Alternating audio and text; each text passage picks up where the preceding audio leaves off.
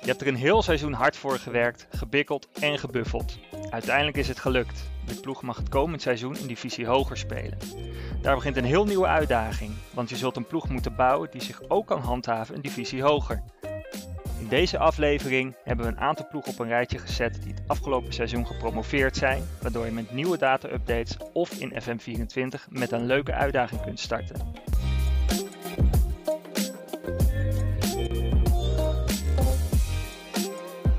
De Football Managers United podcast.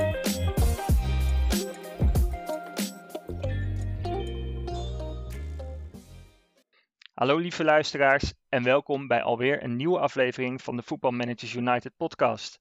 Mijn naam is Vincent en vandaag zijn Guido en Barry, de Alex Pastoor en Jos Luhukai bij mijn Frits Koorbach. Zo, die is eruit. Goedenavond. Goedenavond, Vincent. Goedenavond. Ja, jullie zullen wel denken, een, eh, een host zonder accent. Maar ik heb eh, in de geest van het onderwerp van deze aflevering, maak ik, eh, of heb ik promotie gemaakt als host.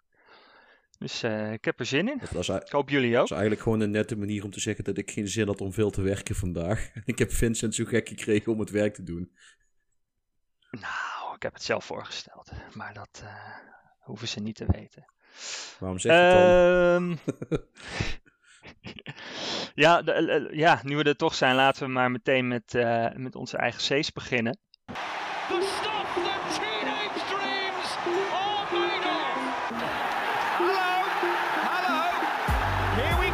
Onze eigen. Eh, volgens mij is het van Barry het langst geleden dat hij hier gezeten heeft, als ik het goed heb. Eh, ja, pas geleden nog, maar wel eh, korter natuurlijk dan, of langer bedoel ik dan Guido. Ja, En, jij, bent- en, de, en de host is normaal altijd als laatst, dus daarom, daarom. Nou, dan mag jij beginnen. Ik geloof dat je op Kaapverdi hier zat, of was je inmiddels al verder? nee, want met die save heb ik eigenlijk nog maar één wedstrijd gespeeld.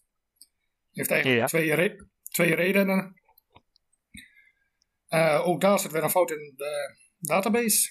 Want ik krijg geen nieuwe wedstrijden te zien, terwijl als ik... En ik speel ze wel, Mhm. Alleen ehm, kan ik nu ook geen spelers halen. Want de, hij zegt nog dat de transfermarkt dicht is, zeg maar. Terwijl als, ja, kan misschien ook wel dicht inmiddels zijn. Maar dan ben ik ingestroomd op het moment dat je met een selectie moet doen waar ze niet eens een, eh, geen enkele linksback eh, op het hele team hebben rondlopen. Dus het is even puzzelen, het is even lastig. Het zorgt er even voor dat de fun er even weg is. Ja, snap ik. Ik heb een hele leuke tactiek zonder had- linksback. En rechtsback. Nou, moeten we daar maar eens naar gaan kijken. Dat was sowieso daar wel puzzelen en ik wil er wel mee doorgaan. Maar de tweede reden is natuurlijk van dat deze ook gewoon heel lekker met eh, 2024 verder gespeeld kan worden. En ik dus mijn save met Eupen eerst afronden. Mhm. Want daar ben ik eh, wel besloten omdat dit in ieder geval het laatste seizoen gaat worden. En dat ik dan met FM24 sowieso met een andere club verder ga. Eh, ja, met Eupen ben ik, was ik op de laatste dag van de transfermarkt. Daar is niet gek veel gebeurd. Eh, in de competitie ben ik weer eh, ongeslagen kampioen geworden. Of oh, ik ben ongeslagen in de competitie. En ik heb nu de eerste wedstrijd voor de championship groep gespeeld. Die, ja, die, die rare groep is daar allemaal in België. Maar de play-offs. Ben je dan niet al, eh, als je alles hebt eh, je hebt alles gewonnen of je bent ongeslagen in de in de Ongeslagen. Oké. Maar je bent nog, niet, geen, eh, nog geen kampioen voordat voor de pool is begonnen? Nee, want de punten worden gehalveerd. Oké. Ja, nee, dat is zo, tuurlijk. tuurlijk. Dus ik was, even kijken, ik had er eh, drie gelijk gespeeld. Tegen Club Brugge, Anderlecht en heel verrassend Oostende. En ik ben nu begonnen met een 5-0 overwinning op Antwerpen in de, in de play-off. Dat is En netjes. ik, Dat- en ik sta nu met nog 9 wedstrijden, sta ik 12 punten voor. Dus nou, dan ben je er al bijna, toch? het zal eigenlijk niet mis mogen gaan natuurlijk. Jinx. Nou, wat ik... ah, ja, Europees. Ja, dat had ik dus de vorige keer ook gezegd. En dat is het nadeel. Van dat... ehm, en dat ik daar de laatste jaren een beetje tegenaan liep. En dat is er nu niet veel beter op geworden. Want ik verloor in eerste instantie met 3-1 uit bij Atletiek Bilbao. In, de, in die knockout eh, pool. Of die Mhm. knockout fase. Thuis won ik met 3-1 en via penalties mij dan toch geplaatst voor de kwartfinale. En daar kwam ik Liverpool tegen, waar ik al met 4-1 verloren had in Liverpool in de groepsfase. En nu verloor ik thuis al met 3-1. Nou, dan weet je gewoon dat het klaar is. Maar, en uit met 4-0. Maar ik moet wel zeggen, ik heb al een paar keer lopen schelden tegen de VAR. Want op bepaalde momenten had ik toch wel het idee van... Volgens mij klopt hier iets niet en word ik zwaar benadeeld. En dat zijn net op momenten dat een wedstrijd net even iets anders nog kan gaan vallen. Maar goed, aan de andere kant, als je in een seizoen er drie keer tegen speelt... en je verliest met 4-1, 3-1 en 4-0... dan denk ik wel dat je de terechte, Ja, de terechte ploeg doorgaat. Normaal gesproken Dus wel. ja, ik maak dit... Ja. Dus ik maak dit seizoenetje nog af. En dan hoop ik dat ik eh, komende maand voordat het... Of ja, meestal is half november pas. Dus nog anderhalf maand tijd heb om op het forum de novel ook even helemaal netjes af te sluiten. En dan heb ik in de zomer nog met Argentinië het WK staan. Dus dat kan wel nog een mooie afsluiter worden. En daar heb ik alleen vriendschappelijk gespeeld tegen Panama en Honduras. En met 4-1 en 5-2 gewonnen. En zit ik in de poolfase met Oezbekistan en Noorwegen opgescheept. Dus nou, Kon, doorgaan moet lukken. kon erger. ja. Is wel zo'n usual suspect volgens mij in dat eh, uitgebreide WK Oezbekistan. Die zie ik er altijd wel bij staan. Maar dat is toch ook gewoon omdat die hele Aziatische kwalificatie geen, nou, niet zo heel veel voorstelt. Ook omdat bijvoorbeeld Japan eigenlijk al gewoon structureel verzwakt is omdat de hele competitie er niet in zit. Mhm, ja. Ja, Qatar zit er, zit er volgens mij ook altijd wel bij. Ja, die zit hier toevallig bij Zwitserland en Amerika. Even snel kijken, staan er nog andere. Gambia heeft zich geplaatst. Dat is ook niet een land wat ik heel vaak voorbij zie komen. Curaçao zie ik vaak. Suriname volgens mij ook. Jamaica. Ja, ook. Ja, die, eh, die winnen ook wel eens, geloof ik. Het, ge- het gebeurt wel eens. Burkina, Fa Burkina Faso. Curaçao zit er inderdaad bij. Ja, ik ben Nou, benieuwd hoe dat, eh, hoe dat in het echt gaat. Welke landen eh, er dan bij komen. Ja, Absoluut. ook, ook van dit soort landjes. Maar ik zal ook niet zeggen dat ze als kanonnenvoer gaan dienen. Want dat, dat zal niet het geval zijn. Ik bedoel, hè, je, je merkt dat zelfs in Europa de kleintjes toch, toch niet meer vaak enorm worden afgedroogd. Maar ja, de, de kans dat er eentje het WK daadwerkelijk gaat winnen, acht ik niet zo groot. Nee, Lu- Luxemburg kan het volgens mij nog wel halen, toch? Meen Op- ik. Of die waren in ieder geval dichtbij. Op papier. Ja, Maar ga, ja, het zou leuk zijn, maar toch? ga, ga dan voor het gemak nou maar even vanuit dat als het dadelijk zover is, dat ze waarschijnlijk gewoon tegen een dikke nederlaag, de- tegen een 2-3 doelpunten verschil nederlaag gaan aanlopen. Ja, ik geloof dat ze waren volgens mij, ze hadden één wedstrijd gewonnen. En in diezelfde eh, zeg maar speelronde, volgens mij verloren ze daarna dik. Dus, eh, maar ja, het zal, zal wel tof zijn. Ehm, maar dan, eh, ja, wat betreft Eupen, gaat het, gaat het wel lekker. En ga je nou een soort FM-pauze inlassen totdat 24 komt? Of, Nee, ik moet, ja, ik moet het seizoen natuurlijk nog uitspelen. ja, En dan probeer ik nog wel even weer met die andere save op te pakken, zeg maar. mhm. Ik zal hem ook niet direct verwijderen, omdat je in FM24 eventueel nog wel kan opstarten. Zo af en Ja. toe is nog een keer, misschien eens een keer voor de fun opstarten. Maar niet meer uitgebreid. En dan wil ik wel gewoon de novel, zeg maar, wat ik eh, net ook zei, gewoon op een goede manier afsluiten. En dan is die save in principe wel klaar. Ja. Maar als ik ja, weer wat meer tijd heb, hopelijk de anderhalf, komende anderhalve maand, dan hoop ik ook die andere nog weer even op te pakken. En dan spelen we gewoon even lekker door tot eh 24 en dan nemen we die mee. En dan gaan we gewoon lekker door. ja, nou, ja. mooi vooruitzicht. Absoluut. Ja, en, en Guido, jij, jij zat in Zuid-Korea, maar ik hoorde dat je daar eh, ja, een beetje ook zat was. Zit je inmiddels al ergens anders of eh, zit je nog steeds in Korea? Ja, ik deed een Lars Veldwijkje. En eh, dat betekent dat je zat was in Korea. Ehm, In het geval van Lars betekent dat dat je contract wordt ontbonden en dat je, dat je teruggestuurd wordt naar Nederland. Eh, in, in mijn geval betekent het dat ik eh, ontslag genomen heb omdat ik het niet leuk meer vond. Ik heb wel netjes een seizoen soort van afgemaakt. Ik heb de laatste competitiewedstrijd gespeeld en dan zit je ergens. Even niet liegen, volgens mij eind november of zo, begin november.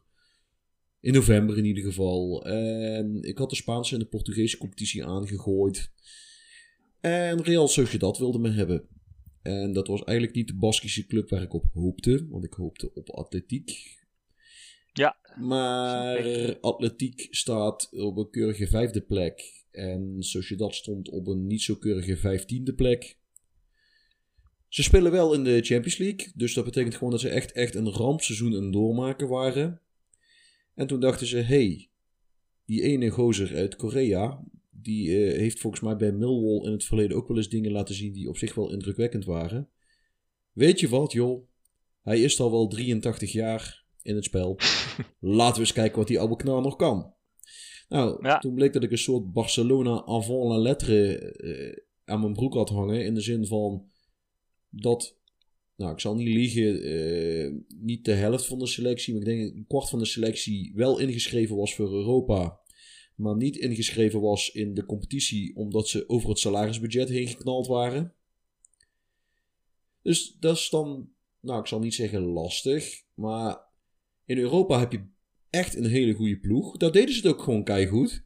Maar in de competitie waren ze wat weggezakt omdat ze zeg maar vooral aanvallers hadden ingeschreven. En ja, de achterhoede vooral bestond uit eh, vrij matige eigen jeugd. Die in de Segunda Divisie al moeite zou hebben om daadwerkelijk aan de bak te kunnen komen. Nou, daar is één oplossing voor hoe je dat omzeilt. Gewoon zo weinig mogelijk verdedigers opstellen. Dan hoef je ook geen zwakke spelers op te stellen. En dan ga je gewoon top-heavy ten aanval. Waarvan ik denk, nou, dat kan ik wel. Dat doen we dan ook maar gewoon. Ja, dat kunnen we jou wel toevertrouwen. Daarom, dus eh, dat zijn we dan ook maar gewoon gaan doen. Levert hele spectaculaire wedstrijden op. Eh 7-4 ergens. En ik geloof dat ik met 6-5 van Real Madrid gewonnen heb in de beker. Dus dat, ja, dat spectaculair en, en dergelijke. Eh, ik, ik moet wel zeggen dat ik een halve avond bezig geweest ben met allemaal Baskische gezichten door Midjourney heen te trekken. Eh, mijn, sterspeler is een eh, Baskische Fransman. Eh, Guillaume Arconada. Maar ja, dan moet jij, nou, mag je drie keer raden welke Baskische Fransman als eh, inspiratiebron diende om het gezicht van Lissarassou, denk ik. Of, of Griezmann. Ja. Nee, dat is geen Baske, of wel? Griezmann is een Bask, want die komt uit de opleiding van ja, is dat een Sociedad. Bask? Oh ja, oké. Die komt uit de Bayonne, het, eh, het, Franstalige deel van, of het Franstalige deel van Baskeland. Zeg ik, zeg Nou. ik even zo uit mijn blote hoofdje. Maar ik heb nog wel, eh nou dat. Dus eh, het idee is dat ik met, sorry, dat ik met uh, Sociedad dus aan de slag ga. En dan kijken we wel hoe ver we daarmee komen. Het zou best kunnen dat ik misschien na twee, twee seizoenen alweer zeg, nou, het was leuk, maar we kijken weer eens verder. Ik wil eigenlijk het allerliefste naar, eh, naar Bilbao. Maar ja, dat gaat nou eigenlijk bijna niet meer. Dat zou net, nou net zoiets zijn als dat ik eh, dadelijk bij West Ham United een contract teken. Dat kan niet. Nee.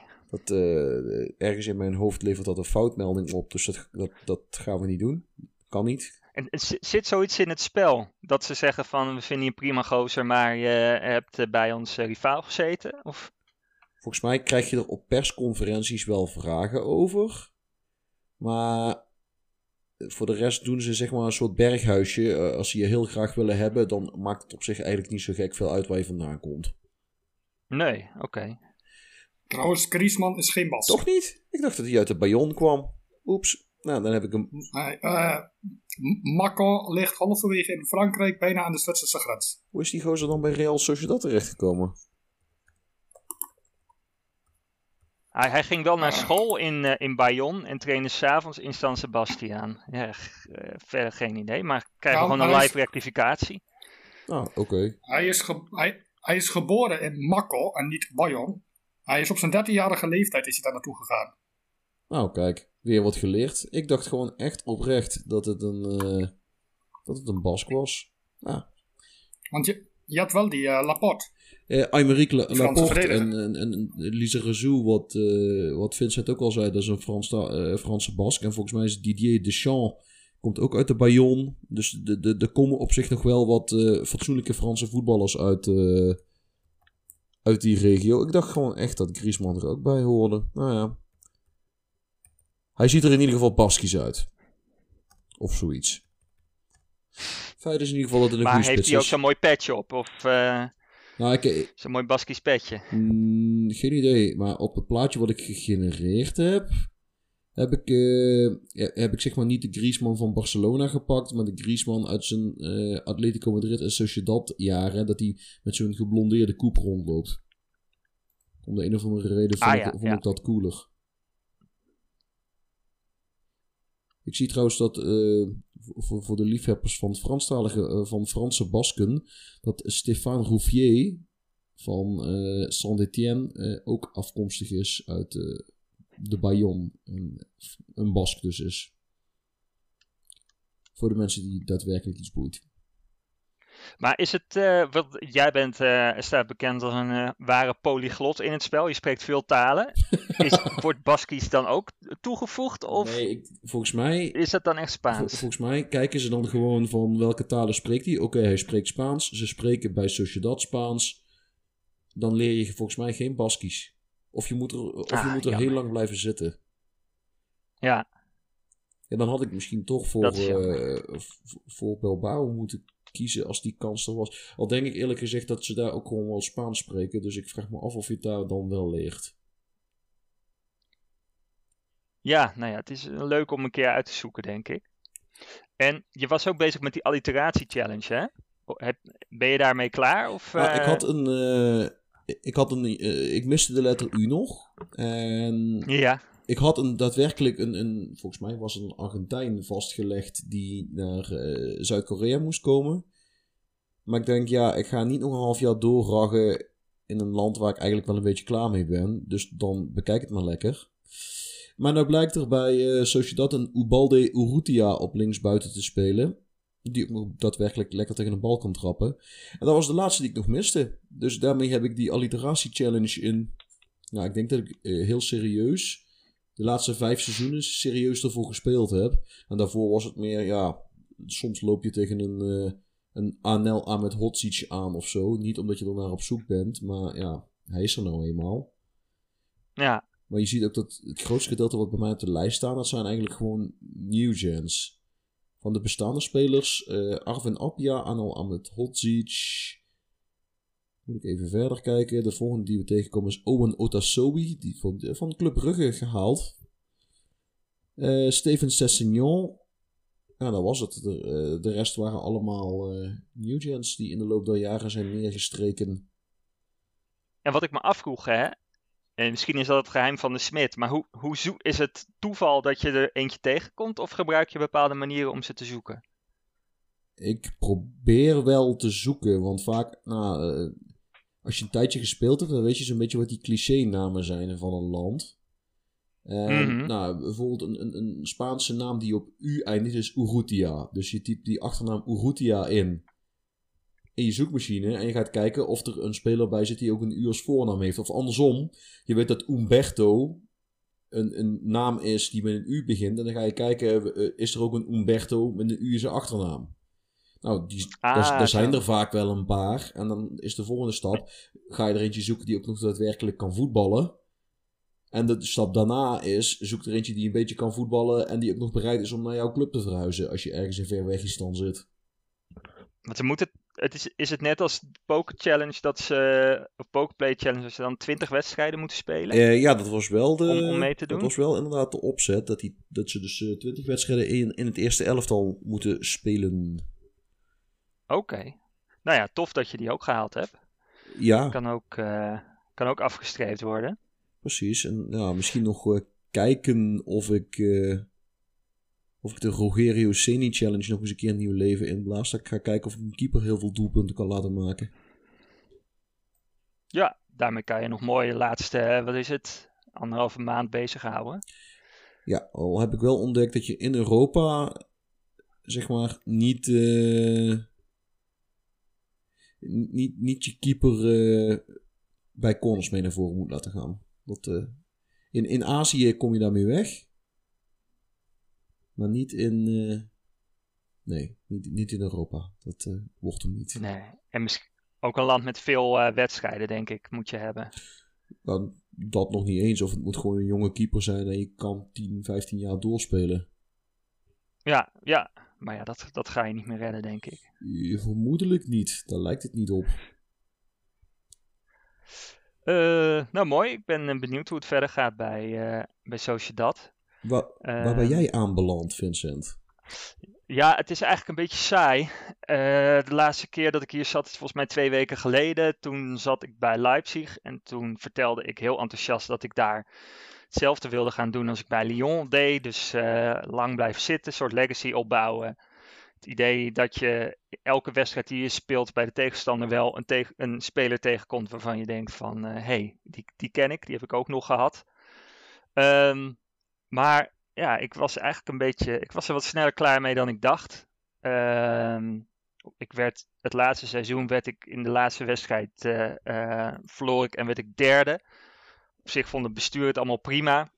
En toen dacht ik, ja, ik, ik weet nou niet of ik, eh, of ik echt zin heb om verder te gaan. Toen heb ik, de, heb ik hem twee keer opgeslagen, één keer gebleven en één keer weggegaan. Ik heb toen even diegene opgepakt waar ik weg was gegaan. En dacht, nou, ik maak er een soort uitdaging van dat ik in elk eh, land, in elk groot land, zeg maar, kampioen eh, wil worden. Dus toen kwam Juventus en ik denk, nou, dat, eh, die doe ik. En ik heb er een paar keer naar gekeken en een beetje zitten neuzen van wat, wat hebben ze en wat heb ik nodig. Maar ik ben eigenlijk nog een, nog een dag verder gekomen. En toevallig ging ik vandaag nog even die save met eh, Leipzig openen. En toen dacht ik ook van ja, toch maar niet. En ik moet ook heel eerlijk zeggen dat ik de afgelopen week een beetje vreemd gegaan ben met een ander spel. Nee. Eh, ja, ja, ja, ja. Ik heb, ik heb City Skylines eh, weer helemaal ontdekt. Heb ik vroeger eh, regelmatig gespeeld op een oude PC waar het eigenlijk heel lastig op te spelen was. En nu op mijn nieuwe laptop, ook overigens FM echt als een speer gaat. Het is echt een gigantisch verschil. Zeker die, de, de laatmomenten tussen de, de wedstrijden in. Dat scheelt zoveel. Ik, normaal kon ik in een uur misschien twee wedstrijden spelen en nu, eh, nu een stuk meer. Maar ja, ik heb dus eh, mijn tijd eh, besteed even aan een, aan een ander spel. En FM gaat echt wel weer komen. En ik ga 24 ook zeker, eh, ook zeker weer spelen. Maar op dit moment staat het, staat het even op een laag pitje. Ja, aan de andere kant, soms heb je dat toch wel eens gewoon. Dat je heel even, ik weet niet, op, op andere gedachten wil komen of zo. Misschien is, misschien is dat het goede woord. En, en Ja, ik, ik, ik merkte gewoon waar ik normaal heel veel plezier uit haal, is zeg maar die seizoensvoorbereiding. En echt, daar ga ik echt gewoon, daar kan ik dagen mee bezig zijn. Dat ik per positie ga kijken van wie heb ik, eh, wat heb ik eventueel voor de toekomst nog nodig, hoe lang duren contracten. En ik merk nu gewoon dat ik daar wat minder zin in heb.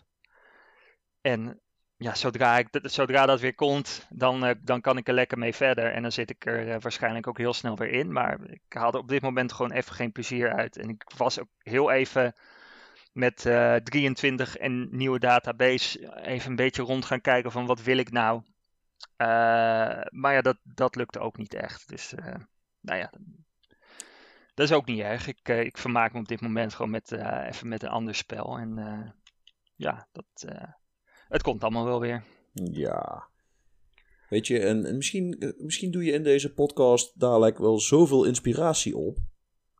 Dat je dadelijk zegt, ja, ja, maar dit klinkt eigenlijk best wel goed wat jullie hier zeggen. Dat gaan we gewoon doen. Ja, eigenlijk bij de voorbereiding al zat ik wat dingen op te zoeken. En het- ja, het, het, het cultgehalte van, eh, eh, van die clubs is natuurlijk soms wel vrij hoog. En dan denk ik, ja, dat is, lijkt me toch, toch ook wel leuk. Dus eh, wellicht begin ik met een van de clubs eh, die we zo gaan bespreken. Eh, lijkt me ook meteen een prima bruggetje naar het onderwerp van vandaag. It's just the most extraordinary scenario you could have dreamt of. The unthinkable unfolds before our eyes. Het thema van de week.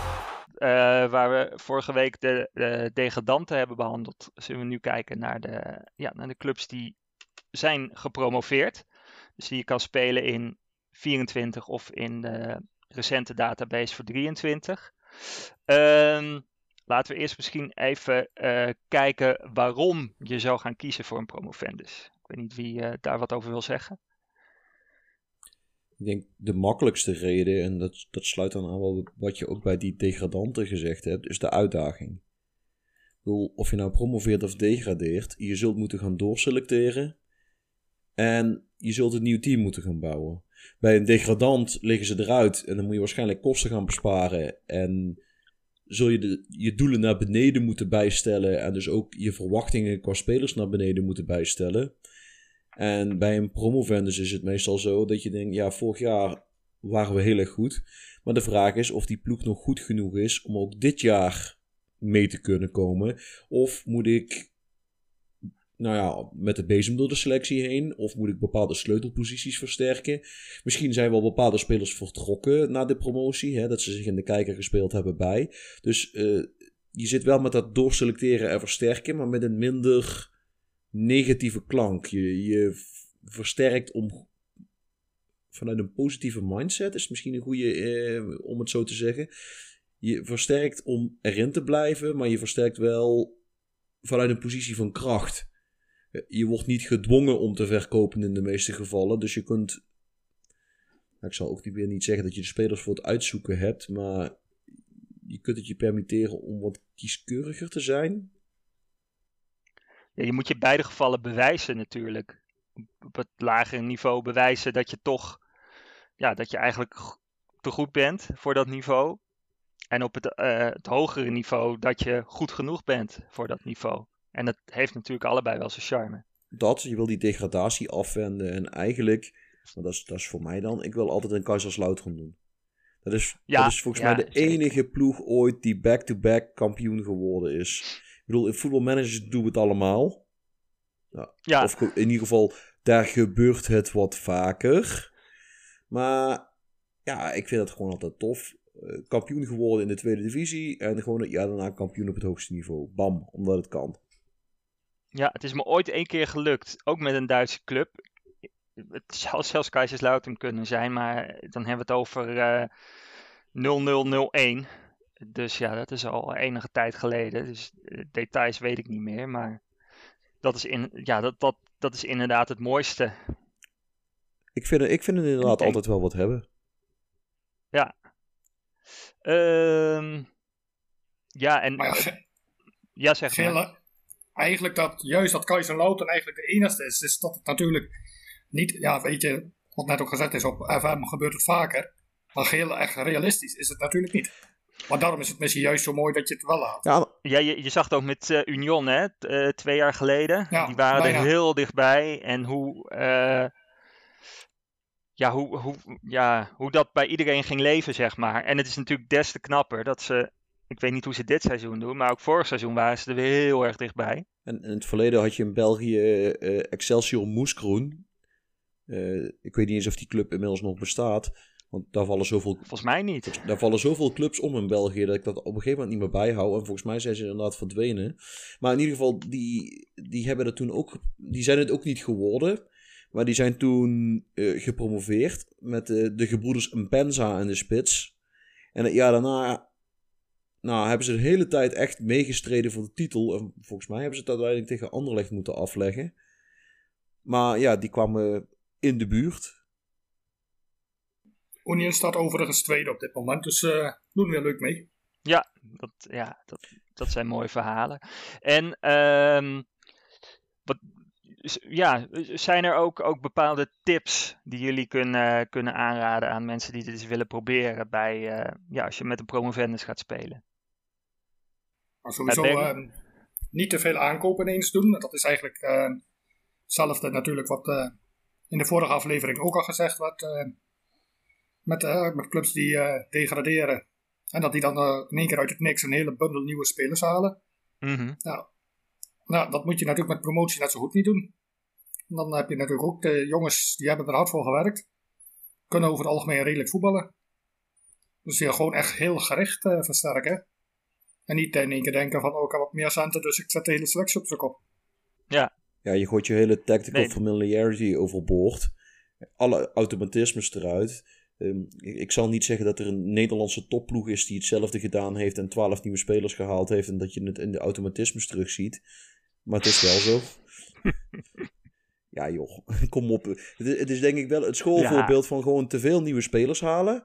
En nou geen Ja, idee klopt. hebben hoe je ze ingepast krijgt. En eh, nu is het toevallig een keer Ajax. Maar er zijn meer Nederlandse ploegen die diezelfde flater maken. En soms duurt het gewoon een half jaar of langer voordat je, ze weer, voordat je de zaak op de rit hebt. Ik kan me herinneren dat Twente volgens mij eens een keer zo gedegradeerd is. Die hadden best wat nieuwe spelers erbij. Het waren allemaal jonge, talentvolle spelers. Maar eh, ze kregen het niet op de rit en ze vlogen eruit. ja, ja. Maar volgens mij hadden ze ook het seizoen na promotie. Begonnen ze volgens mij met, met zes man of zo. Ja, je ziet uiteindelijk hoe het, nu met, eh, hoe het ze nu vergaat. Volgens mij hebben ze het seizoen na die promotie toen wel heel erg met die vaste kern van jongens uit de eigen opleiding doorgespeeld. En ik denk, misschien is dat wel een, een- een extra tip. Probeer wel een kern van, ja, pak een beetje 10 tot 15 man aan te houden die jouw systeem al kennen. Zodat je altijd mensen hebt om op terug te grijpen waarvan je en weet wat ze kunnen en ook niet kunnen. En die bekend zijn met jouw speelstijl. Dat zou trouwens ook een tip zijn. Gooi je speelstijl niet gelijk radicaal overboord. Als, als het goed genoeg was om mee te promoveren, is het waarschijnlijk ook goed genoeg om een divisie hoger gewoon me- mee te kunnen draaien. Ja, ja. Jij zou hooguit kunnen kijken als je bijvoorbeeld met het heel aanvallend voetbal bent gepromoveerd. Of het wel heel verstandig is om dat direct op het hoogste niveau te gaan doen. Maar Ja, maar dan kun je, je, kunt, misschien ook juist wel. je kunt de basis laten staan. Hè? Eh, bijvoorbeeld een formatie en rollen hoeft, hoeft misschien niet eens getweakt te worden. Dan ga je eerder misschien in, in de speelstijl een paar dingetjes aanpassen. Maar ja, het, het raamwerk kan in principe denk ik wel blijven staan. Ja. En ja, dit is meer boekhoudkundig geneuzel. Maar als je promoveert, zorg dat alle jongens die je haalt een, een clausule voor degradatie meekrijgen. Dat hun salaris dan omlaag gaat. Want stel dan dat het niet lukt, dan help je tenminste niet de hele club om zeep. En kan je ook nog zo'n eh, clausule doen dat ze bij degradatie tegen een eh, minder bedrag weg kunnen? Ja, dat zou, Dat zat, dat zat altijd in, maar ja, die, die- dat bestaat nog, maar waarom zou jij die erin zetten? ja, geen idee. Ik, eh, ik bedacht me dat, dat die optie er was, maar inderdaad van salaris, dat, dat, is, dat is wel een goede. Salaris is voor jou handig, die clausule die is vooral voor spelers handig. Kijk, en als jij Ja, jij dus- toch al weet van eh, de kans dat wij degraderen is niet zo heel gro- groot, want ik ben best wel goed. Eh, Mhm. Dan kun je ze, die, kun je ze zo'n clausule aanbieden om ze over de streep te trekken. Zeg maar, als een, als een Ja. speler dan niet bereid is om een lager salaris te accepteren, zeg je gewoon, nou, weet je, als wij degraderen mag je transfervrij weg. En ja, je neemt dan wel een risico, want mocht je dan degraderen, dan eh, is het hommeles. Aan de andere kant, als je mocht de club daadwerkelijk degraderen, ben je waarschijnlijk toch al ontslagen voordat het zover is. Dus je hebt er niet zo heel veel last van. nee, nee, nee. Aan de andere kant, je, ja, Ehm. je gooit wel een beetje je eigen ruiten in wat betreft je reputatie. Want jij bent die mafkist die de halve ploeg transfervrij de deur heeft, uit heeft laten lopen. En, en zijn huurlingen, eh, eh, kan je dat als een goede oplossing zien op het moment dat je bent gepromoveerd? Volgens mij denkt Guido en ik hier anders over. Nou, weet je wat? Eh, dan laten we eerst de mening van Barry horen en dan die van mij. Nou, ik ben er op zich, zeker met FM, wel fan van. Maar het ligt, vind ik, ook heel erg aan de competitie waar je in speelt. Eh, Nederland, België, ja, weinig prijzengeld. Dus kun je zeggen inderdaad van, ja, je hebt een huurling, maar ja, die ben je het daarna kwijt. Eh, een huurling die het seizoen daarna transfervrij is, vind ik dan nog wel goede opties. Eigenlijk in elke competitie wel.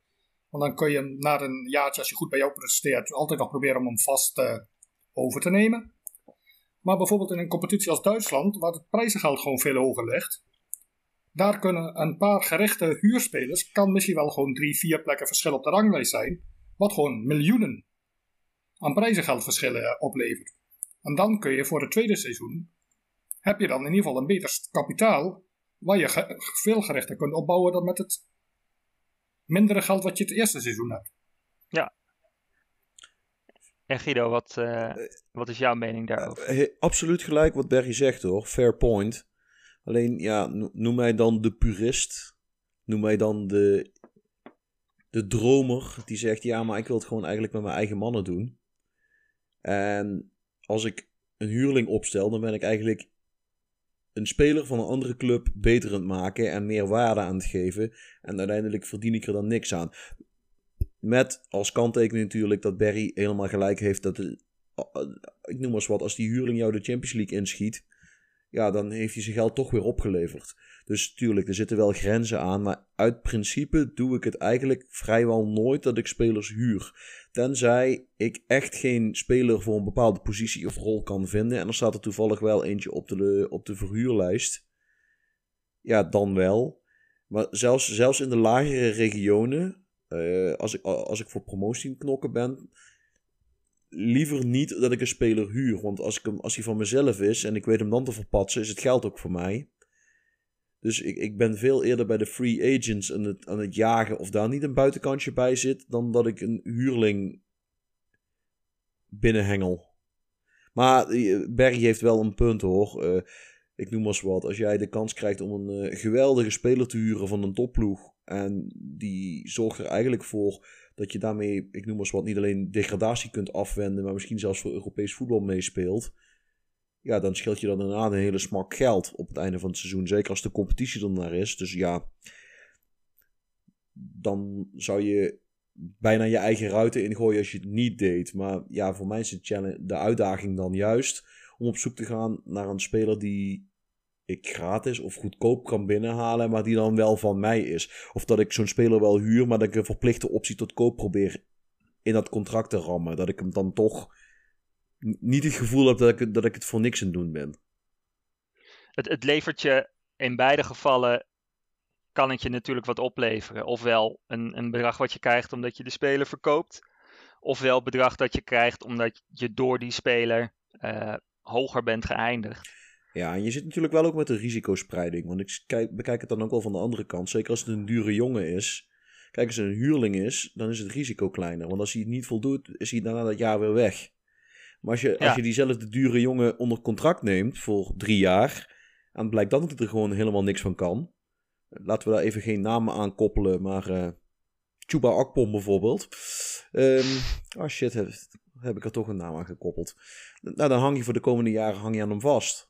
En de vraag is dan, die waarde die die vertegenwoordigt, met een transfersom en salaris en zo, ga je die ooit nog terugverdienen? Nou, nou heeft hij natuurlijk, is hij wel homegrown, denk ik, net als Bessie. Ja, dat, dat scheelt. Maar bij wij, nou, la- Dus la- laten we dan een andere dure Tatsen. Precies, Nico Tatsen pakken, een andere dure aankoop. Feit is, als, als het huurlingen zijn, dan spreid je het risico een beetje. Als het dan niks is, dan heb je er ook niet zoveel last van, want ze zijn na een jaar weer weg. Ze hebben je... s- Ja, Ocampos bijvoorbeeld. Die wilden ze kopen, dat werd tegengehouden. Uiteindelijk is hij gehuurd en wat is na een half jaar Nog niet eens. is hij is gewoon vertrokken. Ja, heeft amper gespeeld. heeft, wel de, heeft wel de Europa League weer gewonnen. Ja, ja, dat wel. Ja, dat, eh, Ja, dat is Ehm, bizar. En wat je, wat je natuurlijk wel hebt, je kent het bij artiesten. Het tweede album is altijd heel moeilijk. Bij eh, eh, Promovendi is het tweede seizoen vaak, vaak lastig. Zijn daar nog dingen voor die je kan doen om dat, eh, ja, om dat wat te voorkomen? Mijn ervaring... Ik denk dat het. Nee, ga maar. Nee, pak hem, pak hem, pak hem. Nou, het is natuurlijk wel, en dat is ook nog weer even een beetje een stukje terugkomen op wat je zei van met heel anders gaan voetballen. Als je zeg maar met zeer aanvallend voetbal gepromoveerd bent. Het eerste seizoen werkt dat meestal. Of kan dat werken? Kijk, hè, ik bedoel, dan neem ik even een Peter Bos als voorbeeld. Die gewoon eigenwijs is, ik ga op deze manier voetballen. En ja, als je dan tegen de sterkere teams als een Arsenal komt, dan ga je eraf. Maar die past zich daar niet op aan. Als je dat ook met een kleinere ploeg doet, kijk dan, hè, als een Almere gigantisch gaat aanvallen, dan ja, tegen Feyenoord en PSV gaan ze eraf. Maar ik denk tegen een Volendam en RKC, die kun je op die manier wel verrassen. En Ajax? En dan, nou die wou ik al bewust even een keer niet noemen. Ja, in deze fase kan iedereen ze verrassen, dus kom op. Ja. nee, daarom, maar ik wou het gewoon even een keer even niet doen. Maar... Ze worden al genoeg geplaagd en eh, sommigen kunnen daar heel slecht tegen op het forum. Ja, Als er grap, grapjes over Ajax gemaakt worden. Dus eh, sorry Tim.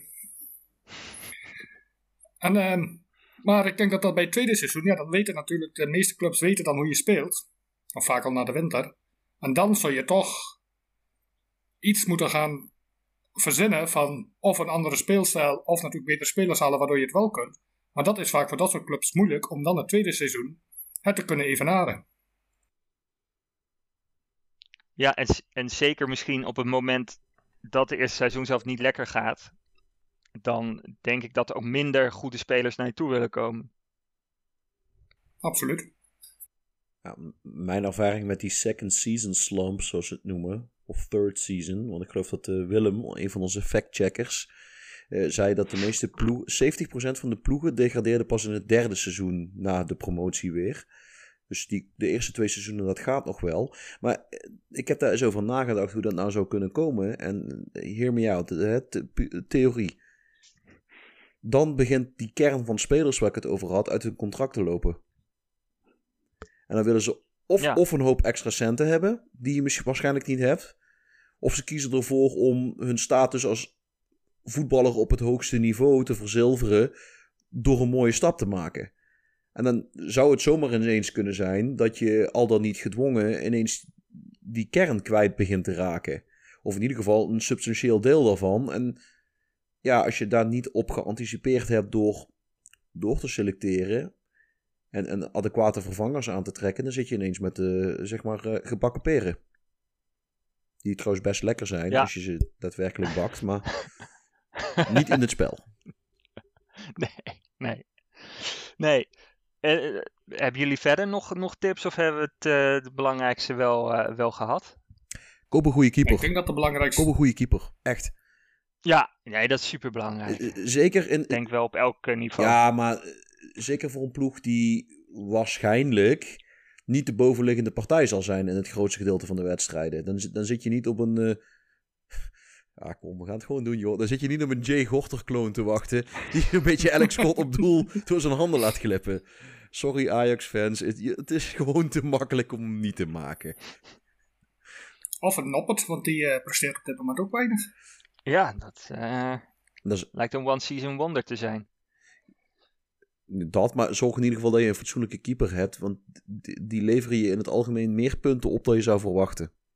En dan kun je wel eens iets Ja. zeggen. Zeker. En dan mag je fan zijn van XG voor of XG tegen. Maar als je keeper structureel meer ballen eruit houdt dan dat hij er doorlaat, dan kom je meestal met het XG-verhaal best wel aardig uit. En ja, goed, ik zal niet zeggen dat ik er daadwerkelijk op scout hoe, hoe ze het XG-wise doen. Maar als ik twijfel tussen twee gelijkwaardige keepers, dan, dan neem ik het wel mee in mijn overweging. Hoe, hoe, Ja, hoeveel ja. doelpunten had hij moeten incasseren en hoeveel doelpunten heeft hij moeten slikken? En dan, ja, dat een. eh, Dat is zeker een goede tip. daarom eh, ben ik heel eerlijk. Daarom zou ik bijvoorbeeld ook. eh, had ik eigenlijk wel verwacht dat ze bijvoorbeeld zo'n Nick Olij eens een keer een kans zou krijgen bij Oranje. Die heeft, die heeft gewoon vorig jaar echt best wel een sterk seizoen gedraaid. En als we dan kijken naar wat er verder wordt opgeroepen. hè, het is niet dat hij uit de toon valt als derde keeper. Nee, maar ja, ik, ik, ik, denk, ik denk niet dat ze hem gaan eh, laten debuteren. Dat is een ander verhaal. Dat heb ik Maar- niet gezegd. Hij moet zeker. Nee, nee, maar ik bedoel, hij- ik denk dat hij er wel bij zit. Eh, tegen, tegen de Grieken kan toch prima? tegen? Met wat er, tegen Griekenland kunnen ze hem er toch prima in zetten? Ja, maar dan zou je bijvoorbeeld ook voor Brugge gewoon naar Jong Oranje toe kunnen zetten. Dat die ook gewoon een fatsoenlijke keeper hebben. Nou, Ja, ik weet- zich, als- Ik weet niet wie daar nu zit. Geen idee, maar niet voor Brugge. nee, nee. De- Maar dat zegt, dat zegt ja, al we- genoeg dat we niet eens weten wie die... Is dat niet eh, Fabian de Keizer trouwens een tijdje geweest van, eh, van Utrecht? Die keeper was van Jong Oranje. Dat is- zou kunnen. Die, zit hij nu niet in Amerika of is dat weer... Nee, dat is die andere was, van eh, was dat niet... Was dat niet eh, oh god. Hoe heet die? Ja, ik weet wie je bedoelt. Ja, Kom er even niet op. Beetje, beetje, komen zo wel op. beetje arrogante gozer. eh, die, die destijds inderdaad naar... eh, was die niet naar Dallas vertrokken? Ja, Ik, het, het, het, komt zo, het gaat zo in Je ziet trouwens dat de keeper van Jong hebben- Oranje Kelvin Ratie is. En de, de reserve was Hugo Wendges van ADO Den Haag. Maar die is inmiddels zwaar geblesseerd. Dus die zal eh, niet, op het moment even niet opgeroepen worden. Want de, de rest die zijn opgeroepen, die zegt mij helemaal niks. Ja. Maar dat kan ook aan mijn... eh, Ja, maar dat zegt toch in principe ook al genoeg. Nou, gewoon even om, omdat ik het wil weten. Maarten Paas. Ah, ja, helemaal gelijk. Ja, en zo zie je maar weer dat het helemaal niet aan de hoofd ligt dat we, dat we afdwalen. Bas zei het de vorige keer al. nu, eh, nu doen we het weer, maar dat is helemaal niet erg. Ehm, laten we eh, naar de clubs gaan en eh, we gaan het even iets anders doen dan de vorige aflevering. Want we kregen wat feedback, omdat de vorige aflevering werden veel clubs genoemd, maar werd eigenlijk het, het hele ja, FM-aspect een beetje overgeslagen.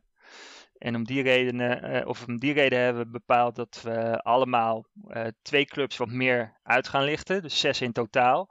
En dan aan het eind van de aflevering pakken we, eh, ja, noemen we nog wat andere leuke clubs die de schifting niet hebben gehaald. En zullen we ook eentje echt nog wat extra uitlichten als, als club van de week. Ehm, ja, Barry, wil jij beginnen met je, met je eerste keuze? Ja, is prima.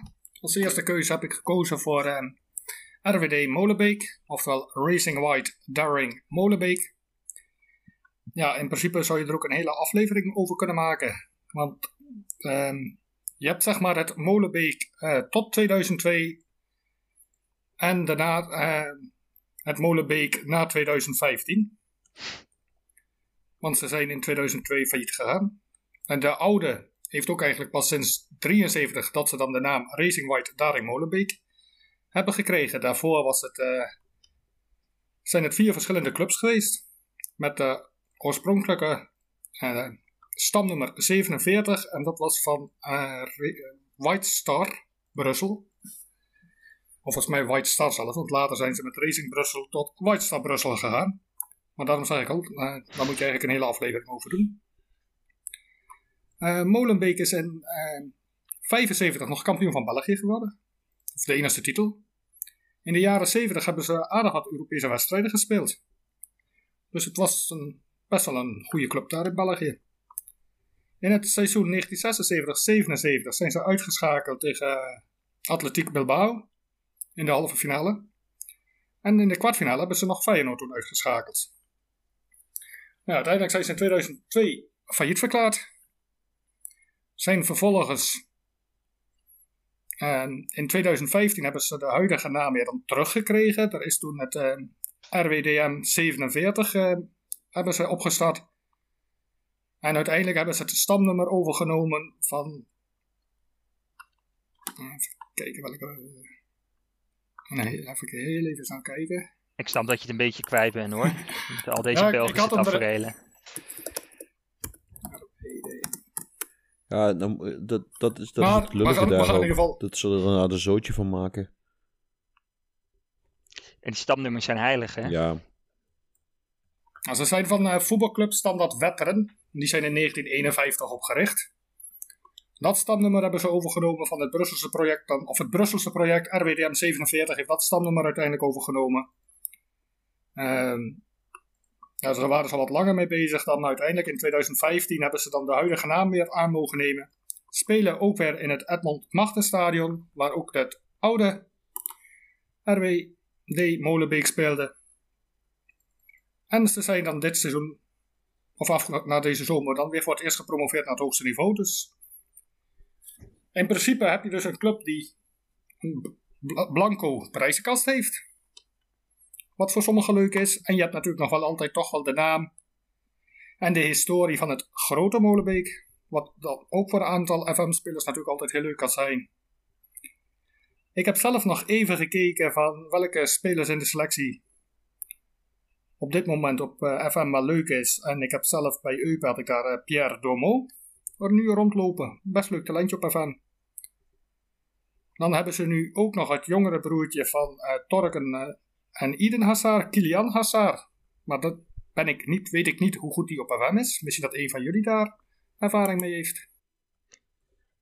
Uh, nee, ik heb nooit met hem gespeeld. Ik, ik weet dat hij bestaat, maar dat, dat, dat is het dan ook wel. Nou, dan zal het niet, uh, niet het grootste talent zijn in ieder geval. Anders had hij daar ook niet gespeeld, toch? Nee. Maar ja, aan de, aan de andere kant, die Duomo is toch best wel een leuke naam. En die heeft toch ook wel leuke clubs al achter de naam staan. Schijnt ook een beetje een lastig jongetje te zijn. En dan past hij heel goed in die wijk daar. Ja, dat is een fijne wijk. En ook, en ook dat zorgt natuurlijk toch wel een beetje dat, uh, dat het toch een illustre naam is. En ik heb uh, de uitwedstrijd uh, van Eupen staat met een hele grote cirkel hier omcirkeld om daar naartoe te gaan. Dus ehm, ja, ik denk dat het een hele leuke uitdaging kan zijn op, op FM. Klinkt goed. Inderdaad een, ja, een bekende, een roemruchte naam uit het verleden. Um, en Guido, wat, had jij, uh, wat heb jij voor ons uh, bedacht? Nou, ik ben uh, even als Barry niet zo heel ver weggegaan. Ik ben naar Heidenheim gegaan. En Heidenheim is een, een debutant in de Bundesliga dit seizoen. Dus als je met een data-update speelt, dan zullen ze waarschijnlijk wel naar de Bundesliga gezet zijn. En anders zullen ze in FM24 sowieso debuteren in de Bundesliga eigenlijk is het, nou goed, het, is mooi omdat het een, debutant is waar niet een enorm grote geldschieter achter zit. Bij heel veel van die kleine clubjes die omhoog schieten, daar zie je vaak dat er uh, of een groot bedrijf achter zit, of zoals bij Hoffenheim, een, een rijke geldschieter die er geld in pompt. En dat is hier eigenlijk niet het geval. Uh, nou goed, als je met Heidenheim gaat managen, dan beëindig je het verhaal van Frank Schmid. Die sinds 2007 manager is, eigenlijk helemaal geen manager wilde zijn en eigenlijk erin gerold is en nooit eruit gegaan is. Maar Heidenheim is een, eh, een hele kleine ploeg. Uh, afkomstig uit uh, Heidenheim an der Brenz. Schilderachtig gedrapeerd in een, in een dal rondom de rivier de Brenz, een zijrivier van de Donau. Als je het dan hebt over bekende mensen die daar vandaan komen, dan heb je het over oud Ajaxiet uh, Horst Blankenburg, Erwin Rommel. Oh, kijk. Mm. Frank Schmid dus, um, voormalig Duits Jeugd International. Vanaf 17 september 2007 is hij daar, uh, zwaait hij daar de scepter. Hij uh, is daarvoor aanvoerder geweest van de ploeg. Heeft zijn carrière beëindigd. Toen hebben ze hem daarna maar weer aangesteld als manager, want ze konden niemand anders vinden. En inmiddels heeft hij contract in 2027. Nou ja, dat is al lichtelijk kitscherig. Maar het heeft wel wat. Uh, het schijnt ook echt dat hij uh, op nog geen 300 meter afstand van het stadion geboren is. Dus het is. Ja, als, als, als, als ze een film ervan zou eh, van zouden maken, zou je zeggen: Nou, dit ligt er echt veel te dik bovenop. maar het is dus echt zo. Je verzint het niet.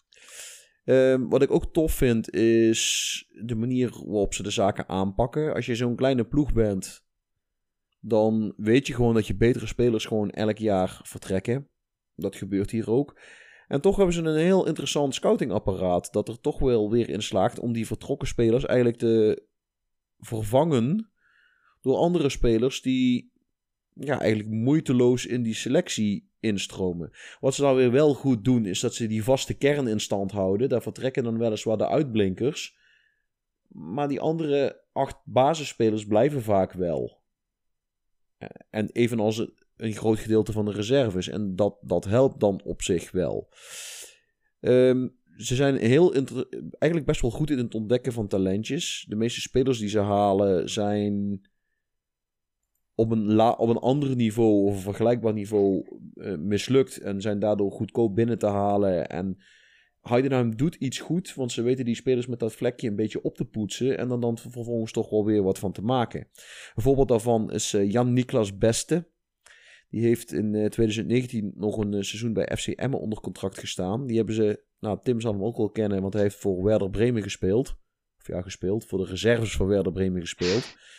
Nou ja, dan heb je geen roemruchte carrière. Hè? Als je bij Emmen mislukt bent en vervolgens in de reserves van Werder Bremen terechtkomt. Ja. Maar Heidenheim heeft hem binnengehaald. En daar heeft hij in de tweede Bundesliga vorig seizoen was hij goed voor 10 goals en 12 assists. Dat is voor een linkerspits zijn dat eh, mooie cijfers, bij wijze van spreken. Zeker. En wat ik ook zie, is dat hij eh, de bezitter is van een schitterende baard. Een beetje eh, een baard à la Thomas Verheid. Ook niks mis mee. Nee, dat uh, jaloersmakend. Al, al, hebben, al hebben ze zeg maar, mij altijd geleerd dat je eh, don't judge a book by its cover. Dat we niet alleen op het uiterlijk mogen afgaan. Nee. Wat helpt nee. wel. Ja, zeker. Nee, eh, Zijn uiterlijk heeft hij zeker mee. In zijn baard in ieder geval. nou ja, dat. Eh, ik kan nog wel meer van die, van die verhalen uithalen van, van, van spelers die mislukt zijn elders en dan daar neerstrijken en het daar weer geweldig doen. Ehm, dan moet ik ook heel eerlijk zeggen, wat ik ook leuk vind aan Heidenheim is de mentaliteit waar ze voor staan. Ze spelen eigenlijk al sinds zolang als dat die Schmid er zit, spelen ze werkvoetbal. En dat bedoel ik, dat, dat, klinkt heel oneerbiedig. Maar het is een ploeg die, die, die. Ze weten dat ze niet de beste spelers hebben. En dat betekent dan ga je dat compenseren door dingen waar je op kan trainen. De bereidheid om te lopen, opofferingsgezindheid en knokken. Knokken, knokken, knokken. Al, jarenlang eh, hebben de spelers van Heidenheim in de competitie waar ze uitkomen de meeste kilometers afgelegd per wedstrijd. Als je dan aan de bal wat minder bent, nou ja, dan zorg je maar dat je zonder de bal wat meer meters aflegt om daarvoor te compenseren. En er- ergens vind ik dat wel mooi. Het schijnt ook echt zo'n zo'n loopsterke fysieke ploeg te zijn, die niet bepaald verlegen zijn om de duels in te gaan, die er best wel in kletsen. Die dan ook nog, nou, ze zetten niet hoog druk, maar als ze druk zetten, doen ze het wel heel fanatiek. En dan voorin hebben ze vooral snelle en technisch vaardige jongens die ook nog niet te vuil zijn om, om, om te rennen en om meters te maken. Dan denk ik, nou ja, als dat bij Fortuna zo zou gebeuren, dan zou ik op de banken staan. Gewoon omdat ik weet van, god, we spelen tegen een ploeg die beter is, maar ik zie dat ze zich het snot uit de ogen rennen en ervoor gaan en niet bang zijn om de duels in te staan. Als dat dan maar betekent dat ze een keer een tegenstander over de zijlijn trappen, ja, ik heb er niet zo moeite mee. Dus ergens, het appelleert aan mijn supportershart. Waarvan ik denk, nou, dat, ik vind dat wel wat. Ik geloof dat ze. Football International heeft op een gegeven moment in een artikel gezegd: eh, Heidenheim is de muis die is gaan brullen met een leeuwenhart. Nou, hebben ze mooi bedacht. En eh, hoe- doen ze het in het echt? Volgens mij, nou goed, je, je gaat ze niet in de, in de top of in de subtop van de Bundesliga aantreffen. Maar voor, voor een ploeg met een eh, relatief lage begroting. En als debutant op het hoogste niveau doen ze het heel aardig met een dertiende plek. Daar tekenen ze voor, als dat eh, de eindstand is. Dat bedoel ik. Ik bedoel, ze hebben vijf wedstrijden gespeeld. één gewonnen, één gelijk, drie verloren. Maar met een doelsaldo van 9 gescoord en 13 tegen. Denk ik dat ze zich niet hoeven te schamen voor hoe ze tot nu toe in de Bundesliga voor de dag komen. Nee. Nee, ook een, een mooi verhaal inderdaad. Dit is al best wel... eh, Ik heb hem op, ik heb hem op forum eigenlijk niet zo vaak voorbij zien komen. Ja, maar het is, Maar dit klinkt wel als een leuke uitdaging. het is, het is, geen, het is geen grote club. Hè? En Volgens mij is, is, is het ook gewoon echt. Ja, het is niet helemaal zo klein als, eh, al- als het dorpje waar eh, Hoffenheim. Of, van Hoffenheim. Maar ook Heidenheim is volgens mij echt maar een. eh nou, gehucht is het niet. Maar ze hebben het over een totale populatie van nog geen 50.000 inwoners. Wat voor een Duitse stad. En zeker voor een Duitse stad die een Bundesliga voetbalclub aflevert, natuurlijk net niks is. Nee, het is vrij klein. Dat is behoorlijk klein inderdaad. Ik bedoel, ja, eh 50.000 mannen, dus eh, ja, vergelijkbaar met Sittard, denk ik. En, en, en ik zal niet zeggen dat dat een kleine stad is, maar het is ook geen grote stad. Nou, het is zelfs, het is zelfs groter dan Sittard. Maar ja, ook daar zeg ik, het, verhoudingsgewijs is het een, eh, voor een, om een Bundesliga-club in te hebben, is het gewoon een hele kleine stad. En dat er weinig saves mee zijn, is denk ik ook inderdaad van... eh, Duitsland heeft gewoon zoveel mooie clubs, ook op lagere niveaus. Gewoon puur op naam en historie. Dat je toch... Veel mensen zijn dus veel sneller geneigd dan natuurlijk om zo'n eh, zo'n club te pakken. Dan ja, een vrij onbekende kleinere club. Hoewel Ja, niet altijd terecht is. Sch- Schalke spreekt natuurlijk veel meer tot de verbeelding. Ja, ja, de hele Bundesliga zit toch vol met een en al traditieclubs. En, en Schalke, denk ik, en HSV zijn dan de, de, de echte grote clubs. Maar je hebt, het, je hebt het daar ook over een St. Pauli, over een Kaiserslautern, een Hannover. Hertha speelt er, de, ja, Nuremberg speelt er, Hansa Rostock, Karlsruhe. En nou, voor de oudere luisteraars eh, zou, zou je daar ook Fortuna Düsseldorf en Eintracht Braunschweig nog eens bij kunnen zetten. En de eerste FC Magdeburg, wat de, volgens mij de enige Oost-Duitse voetbalploeg is die ooit een Europa Cup gepakt heeft. Eh, ja, dat zou heel goed kunnen. Ja, die weet ik toevallig vrij zeker. Ja. En eh Lokomotiv Leipzig heeft eh finale gehaald. En toen verloren van Ajax. Tegen Ajax toen. Ja, ja. Maar Loco- Moest het even Lokomotief zeggen. bestaat niet meer. Die zijn inmiddels opgegaan in dat, eh, in dat Red Bull gedrocht. Is dat zo? Toch? Ik dacht Die hebben dat toch de dat loco- een- die hebben toch- Volgens mij is... eh, Die hebben toch de, de, de, de licentie van Lokomotief overgekocht? Nee, dat was een andere Nee, club. Het is een andere club. Eh Lokomotief speelt in de regionale. Dan, eh, dan ben ik bij deze live gerectificeerd. Ik dacht Wederom. Wederom. Even kijken hoor, of ik dat... Ik dacht echt dat het Lokomotief Of was. werd ik... eh, eh, oh nee, SSV Markranstädt. Een vijfde klasser. Daar hebben ze de licentie van overgenomen. Markenstedt. Oké, nou, I stand, I stand corrected. Eh, ja, zal ik mijn, mijn club dan maar pakken? Lijkt me een vrij logisch gevolg. Ja, nou ja, misschien had je, wil je nog wat, eh, wat vertellen, maar dan eh, ga ik. En dat is een club waar ik tot eh, ja, ergens begin deze week echt nog nooit van had gehoord. Ondanks het feit dat ik best wel lang in de Franse competitie heb gespeeld, natuurlijk met Lyon. En dat is de club US Concarneau. Ik kende ze echt niet. Ik heb even in mijn save gekeken en daar spelen ze geloof ik al tien jaar niet meer in een van de speelbare competities.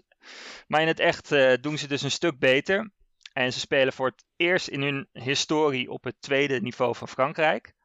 En eh, in het echt spelen ze in, eh, niet in hun eigen stadion, maar in stadions van een aantal clubs in de buurt. Het ligt een beetje onder Bretagne. Dus spelen in het stadion van Brest, van Lorient en van Guingamp. Eh, ik heb het in FM even opgezocht. In ieder geval in de, in de meest recente database spelen ze in FM wel gewoon in hun eigen stadion. Ik weet ook niet in hoeverre het mogelijk is om, om dat eh, ja, om toe te passen, dat een club in meerdere stadions speelt. Misschien is dat lastig en is het daarom niet het geval. Maar eh, dit is een club die, eh, ja, wat ik al zei, op het eh, tweede niveau speelt voor de eerste keer. En een jaar of tien geleden speelden ze zelfs nog op het vijfde niveau. Maar ze hebben een redelijk gestage opmars naar boven gemaakt. Ik pak het heel even bij. Want En is dat dan, dat is dat dan ook weer omdat er een, een rijke voorzitter achter hangt? Of Nou, wat erachter hangt, dat is misschien wel leuk. Dat is een concern, dat heet Piriou. En met mijn beste Frans en Google Translate heb ik eruit kunnen halen dat dat een vrij groot bedrijf is, gevestigd ook in, eh, in die plaats, in Concarneau. En wat zij dus doen is, eh, ze zijn gespecialiseerd in de bouw en eh, reparatie van stalen en aluminium schepen in, tot 120 meter. Dus Oh. ja, als die iets langer is, dan kan je, er, kan je er niet terecht. Maar het is een ja, ontzettend groot bedrijf, want ze doen ook visserij, scheepvaart, passagiersvervoer. Eh, en het stadion is genoemd naar een, eh, een oud voorzitter van, die, eh, van dat bedrijf. Ehm, en die had ik hier staan. Dat is Guy Piriou. de huidige voorzitter En is de ook huidige- periode trouwens, hè? Ja, is Jacques Piriou. Ik kan even niet zo snel, omdat de informatie in het Engels redelijk beperkt is, kon ik niet heel snel vinden of dat inderdaad, dat bedrijf ook daadwerkelijk een grote geldschieter is. Maar ik, ik, ik ga er wel van uit dat ze in ieder geval wel, eh, eh, wel wat bijdragen. Ehm eens even kijken. Wat, eh, wat misschien ook wel leuk is. aan deze club is dat ze het in de beker ook wel redelijk goed gedaan hebben. Vrij recent nog, in 2014, 2015, hebben ze de kwartfinale nog gehaald van de Coupe de France tegen Guingamp, dus een uh, ja, club uit de buurt. En ze hebben ook nog vijf keer de 16e finale en acht keer de 32e finale gehaald. En volgens mij bestaat Frankrijk uit gruwelijk veel uh, bekerrondes. Ik meen dat je in FM ergens in de zevende of de achtste ronde uh, instroomt. Dat is de eerste die je kan zien. Maar daarvoor zit natuurlijk ook nog heel veel. En ook al die eilanden ver weg uh, spelen, die doen geloof ik ook mee. Um, dus dat is ook natuurlijk wel een leuke uitdaging. Om dat proberen te, ja, te evenaren of zelfs te verbeteren. Verder kon ik en uh, heb ik even gekeken naar spelers die er spelen of spelers die er gespeeld hebben. Uh, dat zijn me echt helemaal niks. Het enige wat ik kon vinden is een zekere Nassim Chatli. Geen familie van. Klinkt als. Uh, klinkt als, maar die heeft een verleden gehad bij Lommel in België. Dus misschien dat de, uh, Belgische luisteraars hem, hem nog wel kennen. Het zegt mij niks. Het was, ging puur verder kijken omdat de achternaam me bekend voorkwam. Uh, ik heb natuurlijk ook heel even een beetje zitten neuzen naar de selectie in, uh, uh, ja, in voetbalmanager. Nou, dat houdt niet over. Ze, hadden, ze hebben wel op zich wat twee redelijk toffe nationaliteiten. Mocht je met een pokerplayer challenge willen beginnen, Mauritanië en de Centraal-Afrikaanse Republiek. Dan, dan heb je die alvast. En het fijne is ja. dat het in Frankrijk allemaal niet als buitenhandel stelt. Inderdaad, inderdaad. Dus ja, dat is, dat is zeker mooi meegenomen.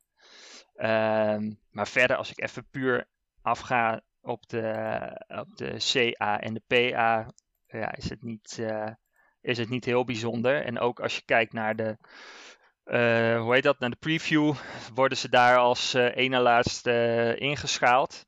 En als je even kijkt hoe ze het in het echt doen, staan ze op dit moment vijftiende van de 20. Twee gewonnen, twee gelijk, vier verloren.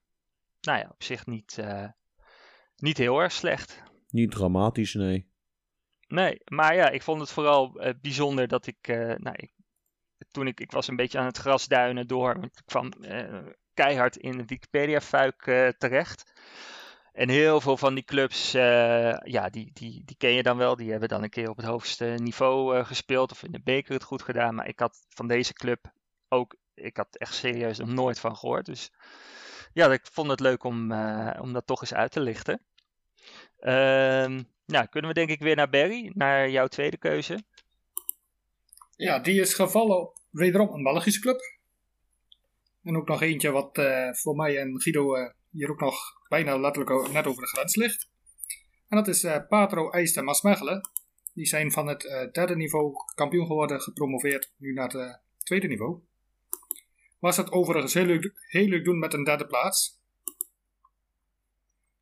En ze hebben ooit in de jaren 1960, seizoen 1960-61, hebben ze een keer op het hoogste niveau gespeeld. Voor de rest nog nooit. Dus dat is ook sowieso dan weer een leuke uitdaging. Daarvoor hebben ze. Ja, ja, het is eigenlijk altijd een beetje tussen het tweede en het derde niveau. Altijd een beetje tussen gezeten. Af en toe is een uitstapje zelfs nog een niveautje lager. En toen kwam er in één keer uh, een hoop uh, financiële stress en alles was eigenlijk. Uh, nadat ze een paar jaar of eigenlijk van 2000, een, begin 2000, een stabiele tweede klasse waren, ging het even wat minder. Financiële perikelen, hoop puinzooi. Teruggezet naar de vierde klasse. En daarna langzaam weer aan het opklimmen. En dat heeft mede te maken dat daar op een gegeven moment, en misschien dat jullie hem wel kennen, dat is de Iraanse Salamar Assimi. Ja, ik weet wel dat er toen wat, uh, dat er wat perikelen waren rondom uh, de overnames. Uh, die, die Azimi is, is, die, die is volgens mij met van die real-life soaps ook wel eens in het nieuws geweest. Dat klopt. Hij, heeft, hij is sowieso behoorlijk rijk eh, met de horeca en vastgoed. Hij is ook veel op televisie. Hij is trouwens als 13-jarige eh, was hij als vluchteling naar Nederland gekomen. Hij is ook sponsor van NAC en hij heeft in 2018 ook nog eens een bod uitgebracht op Roda. Ah, Wat ja, nu gaat er een belletje rinkelen. Ja, niet, niet doorgegaan, waardoor hij daarna dus maar Patro IJste heeft opgekocht. En er zaten toen nog vijf man. Hier staat dan in de VZW, maar ik kan het even niet zo snel weten wat dat is, maar het zal wel zoiets als de Raad van Commissarissen zijn. VZW heeft- is een eh, vereniging zonder winstoogmerk, geloof ik. Dat is typisch Belgisch. Een stichting. Wat volgens mij Nou, dat- een, een Nederland een stichting heet. Maar in, in ieder geval, de, de leden van die stichting met eh Stijn Stijnen. Hij zelf plus vijf familieleden. En de vijf lokale leden die er nog in zaten, werden direct weggestemd. Dus eh, ja, dan weet je alweer. Onder eh Stijnen, want die werd dan ook als trainer neergezet. En ja, de naam is natuurlijk, denk ik, ook wel redelijk bekend onder voetballiefhebbers. Van Ja. onze Stijn Stijnen. Wat was daar nou mee? Keeper. Die, eh, Ja, er was een keeper, maar die had, die had iets gedaan wat hem niet in dank werd afgenomen. Iets met een... Toch? Dat was hij, toch? Nou, ik zie hier sowieso staan een internetschandaal. Ja, werd, Ja. Hij bij Club Brugge, werd hij bij Club Brugge werd hij dan weggezet. Maar ik zie even, even kijken. Ik ben, En hij doet mee voor de alliteratie challenge, hè? Al is het jammer genoeg eh, je kunt er wat mee. geen spelen meer. Ja, Ik weet, ik weet wel dat hij volgens mij een tijdje politiek actief geweest is. Nou, hier staat in ieder geval dat hij met... eh, hij gebruikte schuilnamen als Frigo en Piop, maar via het IP-adres konden toch berichten aan hem gelinkt worden. Oh, hij had een... eh, ah, hij had lelijke, lelijke dingen gezegd over zijn concurrenten. ja, de, de 18-jarige Colin Kozemans. En Geert de Vlieger, ex-Willem II. Maar goed, hij is dan in ieder geval sinds 2018 trainer geworden. En hij, dat is hij nog altijd. Dus wat dat betreft doet hij dat goed. En dat is op zich best wel knap, want daarna is de club nog eens twee keer van eigenaar veranderd. Maar om nog even terug te komen op die Salar Assimi, die maakte natuurlijk daar eh, een gele indruk dat hij zich als invaller heeft hij een penalty gescoord. hij, heeft zichzelf, hij heeft zichzelf laten wisselen en hij heeft gewoon een penalty gescoord. En zoek gewoon iedereen die luistert, zoek die beelden op. Het ziet er niet uit hoe die eruit ziet. Maar goed, hij heeft wel een officieel doelpunt gemaakt in de competitie. Dus ik denk niet dat er heel veel voorzitters zijn die dat ooit gedaan hebben. Die dat aandurven. Sommigen zwaaien met... Ja, sowieso. Kijk, je hebt wel eens in Griekenland zo dat ze met een pistool het veld opkomen en zo. Maar ja, deze doet het sportief. Eh, hij maakt het verschil, zullen we maar zeggen. Ja, die schiet ook raak, maar dan op een iets wenselijker eh, manier. Ja, Maar wat, uiteindelijk in- eh, Oh ja, nee, ga verder. Ze zijn in 2020 overgenomen door Devon Davenport. Ook een mooie. Inderdaad. En een jaar later is het eh, overgenomen door de Common Group. En dat is een Amerikaanse maatschappij, eigenaar van onder meer Vitesse. Eh Colly Perry werd de nieuwe voorzitter. Maar samen met eh, trainer Stijn Stijnen dwongen ze dus vorig seizoen de promotie af naar de eerste nationale. Vijf wedstrijden voor het einde. En de titel werd op de laatste speeldag behaald. Eh, spelers die toen daar, of eh, dat seizoen meespeelden, de, een van de bekendste is misschien, zeker hier in het zuiden, Henk Die Dijkhuizen. zit er nog steeds, hè? Ja, die zit er nu nog steeds. Roda en Sparta uit mijn hoofd, toch? Eh yep. Klopt. En Top Os heel eventjes. Oh, dat ik dat als eh, topos eh liefhebber niet weet. Nee, oké. En als hij is in de jeugd zat hij natuurlijk bij Feyenoord. Dus en, en, en eh, als amateur eh, begonnen bij eh, Scheveningen. Dus vandaar dat sommigen hem daar ook wel kennen. Moest even een, een shout-outje doen naar eh, Rossi op het forum. Ik kan ik, wat ik me wel kan herinneren van, eh, en niet, niet van Dijkhuizen. Ik ben inderdaad, Berry zegt het al, tussen niet heel ver over de grens voor mij. Ik ben een paar keer bij, eh, bij Patro gaan kijken. En dat was vooral in de tijd dat ze in de derde klasse uitkwamen. Want toen speelde Taner Taktak daar nog. En dat was bij Fortuna ooit een begenadigd jeugdtalent. Die is niet echt doorgebroken. Die was uh, jeugdinternational voor Turkije. Maar ja, die is later bij uh, Patro neergestreken. En we zijn nog een paar keer naar uh, Taner Taktak gaan kijken. Omdat hij daar in het paars-wit speelde. We hebben hem ook uh, gesproken toen. Toen zeiden we dat geel-groen hem beter stond. Vond hij niet grappig. Ja. Geen, gevoel, geen gevoel voor humor, die jongen. Maar zij doen een uh, alliteratie-challenge in real life. Want ik hoorde gewoon al drie uh, schitterende klinkende namen voorbij komen. Tak Tak en Stijn Stijnen. Ja, mooi toch. En Devin Davenport. Maar die is voorzitter, hè? dat telt niet. Die komt niet tot 20 ja, wedstrijden. Okay, maar... Ja, Om jezelf nou twintig keer in te laten vallen telkens als er een penalty genomen moet worden, dat, dat is ook wel weer wat, hè? Dat, uh... Nee, nee, dan is het nieuwe er snel vanaf. In de staf loopt nou ook nog Ena Luc Niels rond. Oh, daar heb ik ook wel eens van Zou gehoord. ook wel nog wel een... Nou, kon volgens mij best wel redelijk ballen. Ja, die kon, die kon wel wat. En, En ze hebben dingen nog, hè? Ja. Thomasje van Bommel. ja, die hebben ze gehaald, inderdaad. Die mo- En ook eh, Simon, van, Simon van Duivenbode, ex-Vitesse, gedebuteerd. Die hebben ze ook eh, sinds dit seizoen eh, loopt daar rond.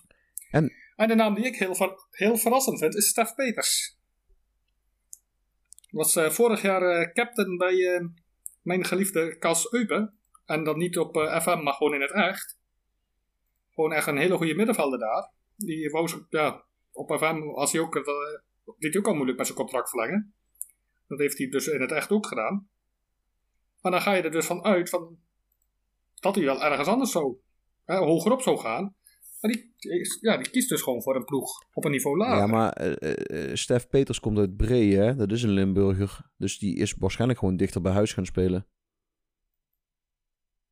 Dat zou inderdaad kunnen. Ik ken hem niet heel erg persoonlijk. Nee, maar goed, eh, eh, Maar ik, ik, ik weet wel, dat zeg ik trouwens ook gewoon omdat ik hier zit te, eh, zit te googlen hoor. Maar er staat bij dat hij geboren is in Bree. En als zijn familie daar nog woont en hij zelf ook, dan zeg ik, eh, ja, maar het is ook, ja, het is ook niet dat Eu- Eupen nou zo gek ver is. nee, oké, dat is waar.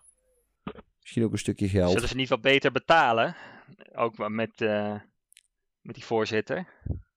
Zo- Dat zou best kunnen. Ik, zie- ik zie toe- toevallig ook eh, Kevin Kiss nog eh, onder contract staan. Die heeft nog een blauwe maandag in, eh in Sittard gespeeld.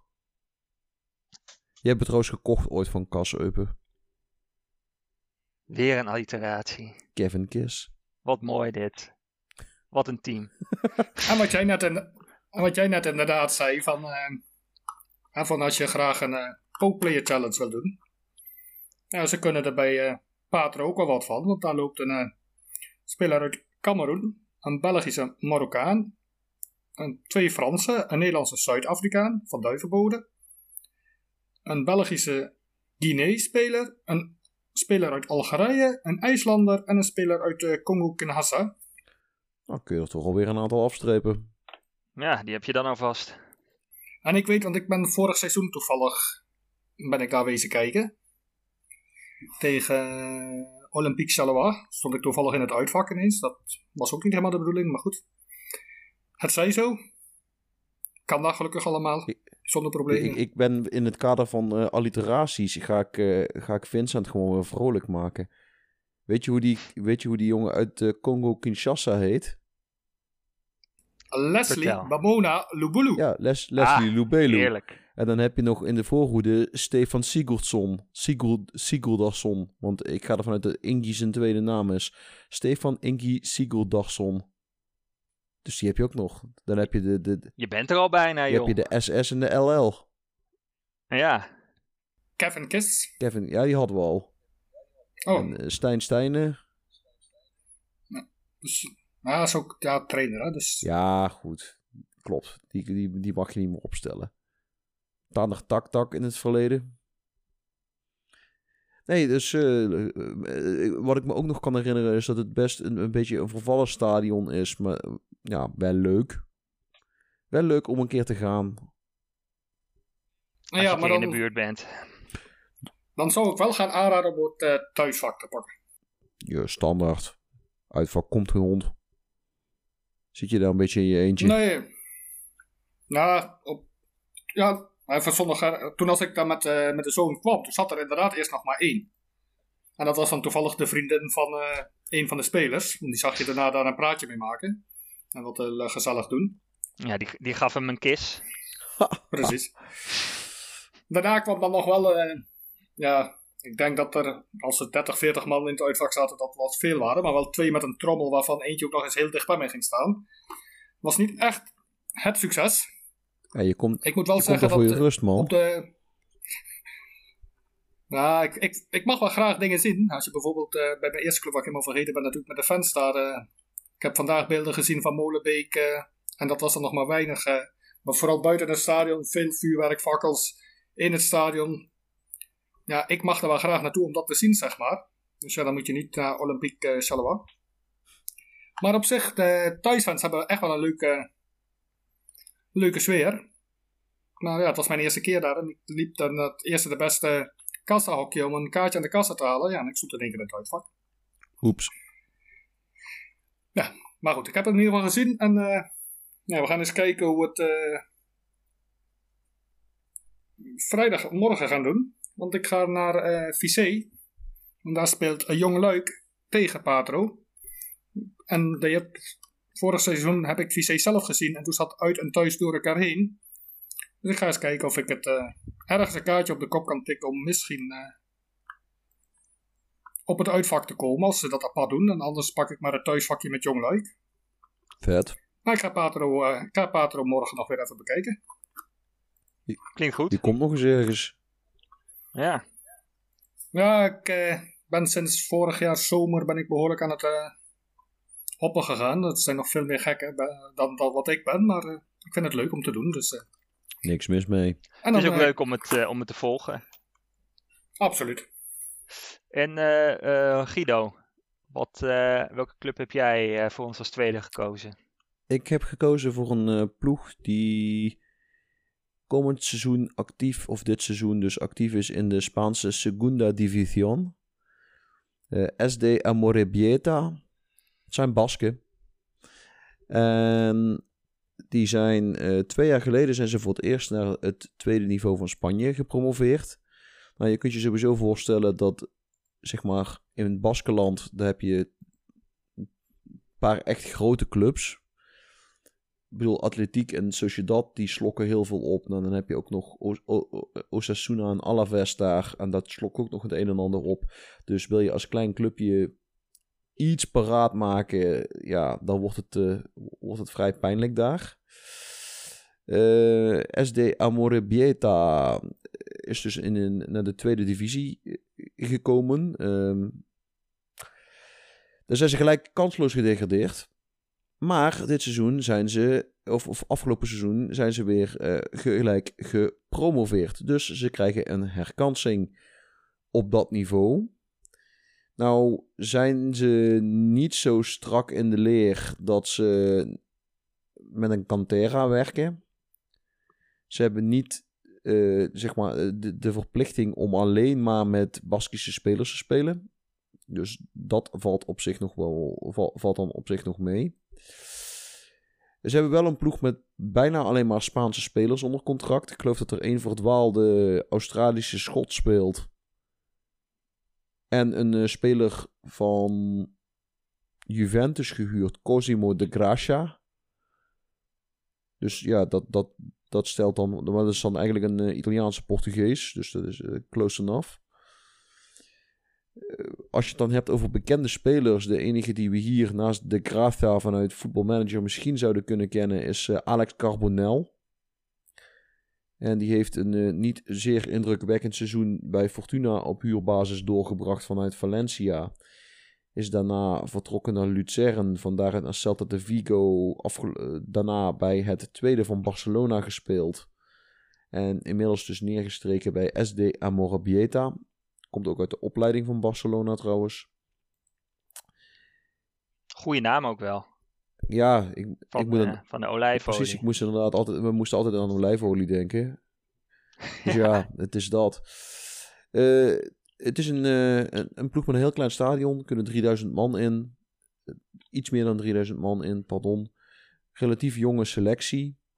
Gemiddelde leeftijd van 25,9 over de hele selectie. Dus ja, dat is relatief jong. Het is eens wat anders. Want als jij naar Spanje gaat, dan zijn er... Nou, ik geloof dat uh, jullie zeiden net al, er zijn altijd interessantere clubs. Waarom zou je voor Amorebieta gaan als je ook voor Deportivo La Coruña kunt kiezen op het derde niveau? Ja. Nou ja, dan is misschien zo'n Amorebieta eigenlijk veel leuker. En zeker als je dan zegt, nou, ik ga me inderdaad beperken tot vooral Baskische spelers. Dat je, dat, dat je daar iets van probeert te maken. Lijkt me, lijkt me een leuke. SD Amorebieta op het uh, tweede niveau in Spanje. En ze doen het niet slecht op dit moment. Nee, ze staan volgens mij, eh, nou goed, ergens uh, onderkantje middenmoot, zeg maar. Dertiende van de 22. Nou, precies. Maar als je dan inderdaad zegt hè, dat ze het jaar daarvoor, of ja, twee jaar daarvoor dan eh, zeg maar echt kansloos gedegradeerd zijn, doen ze het nu in ieder geval een stukje beter. Nou, de Hekkersluiter is trouwens de club van, van Ronaldo. Echt, echte Ronaldo. Real Oviedo. Ook een club met, met een bekende naam.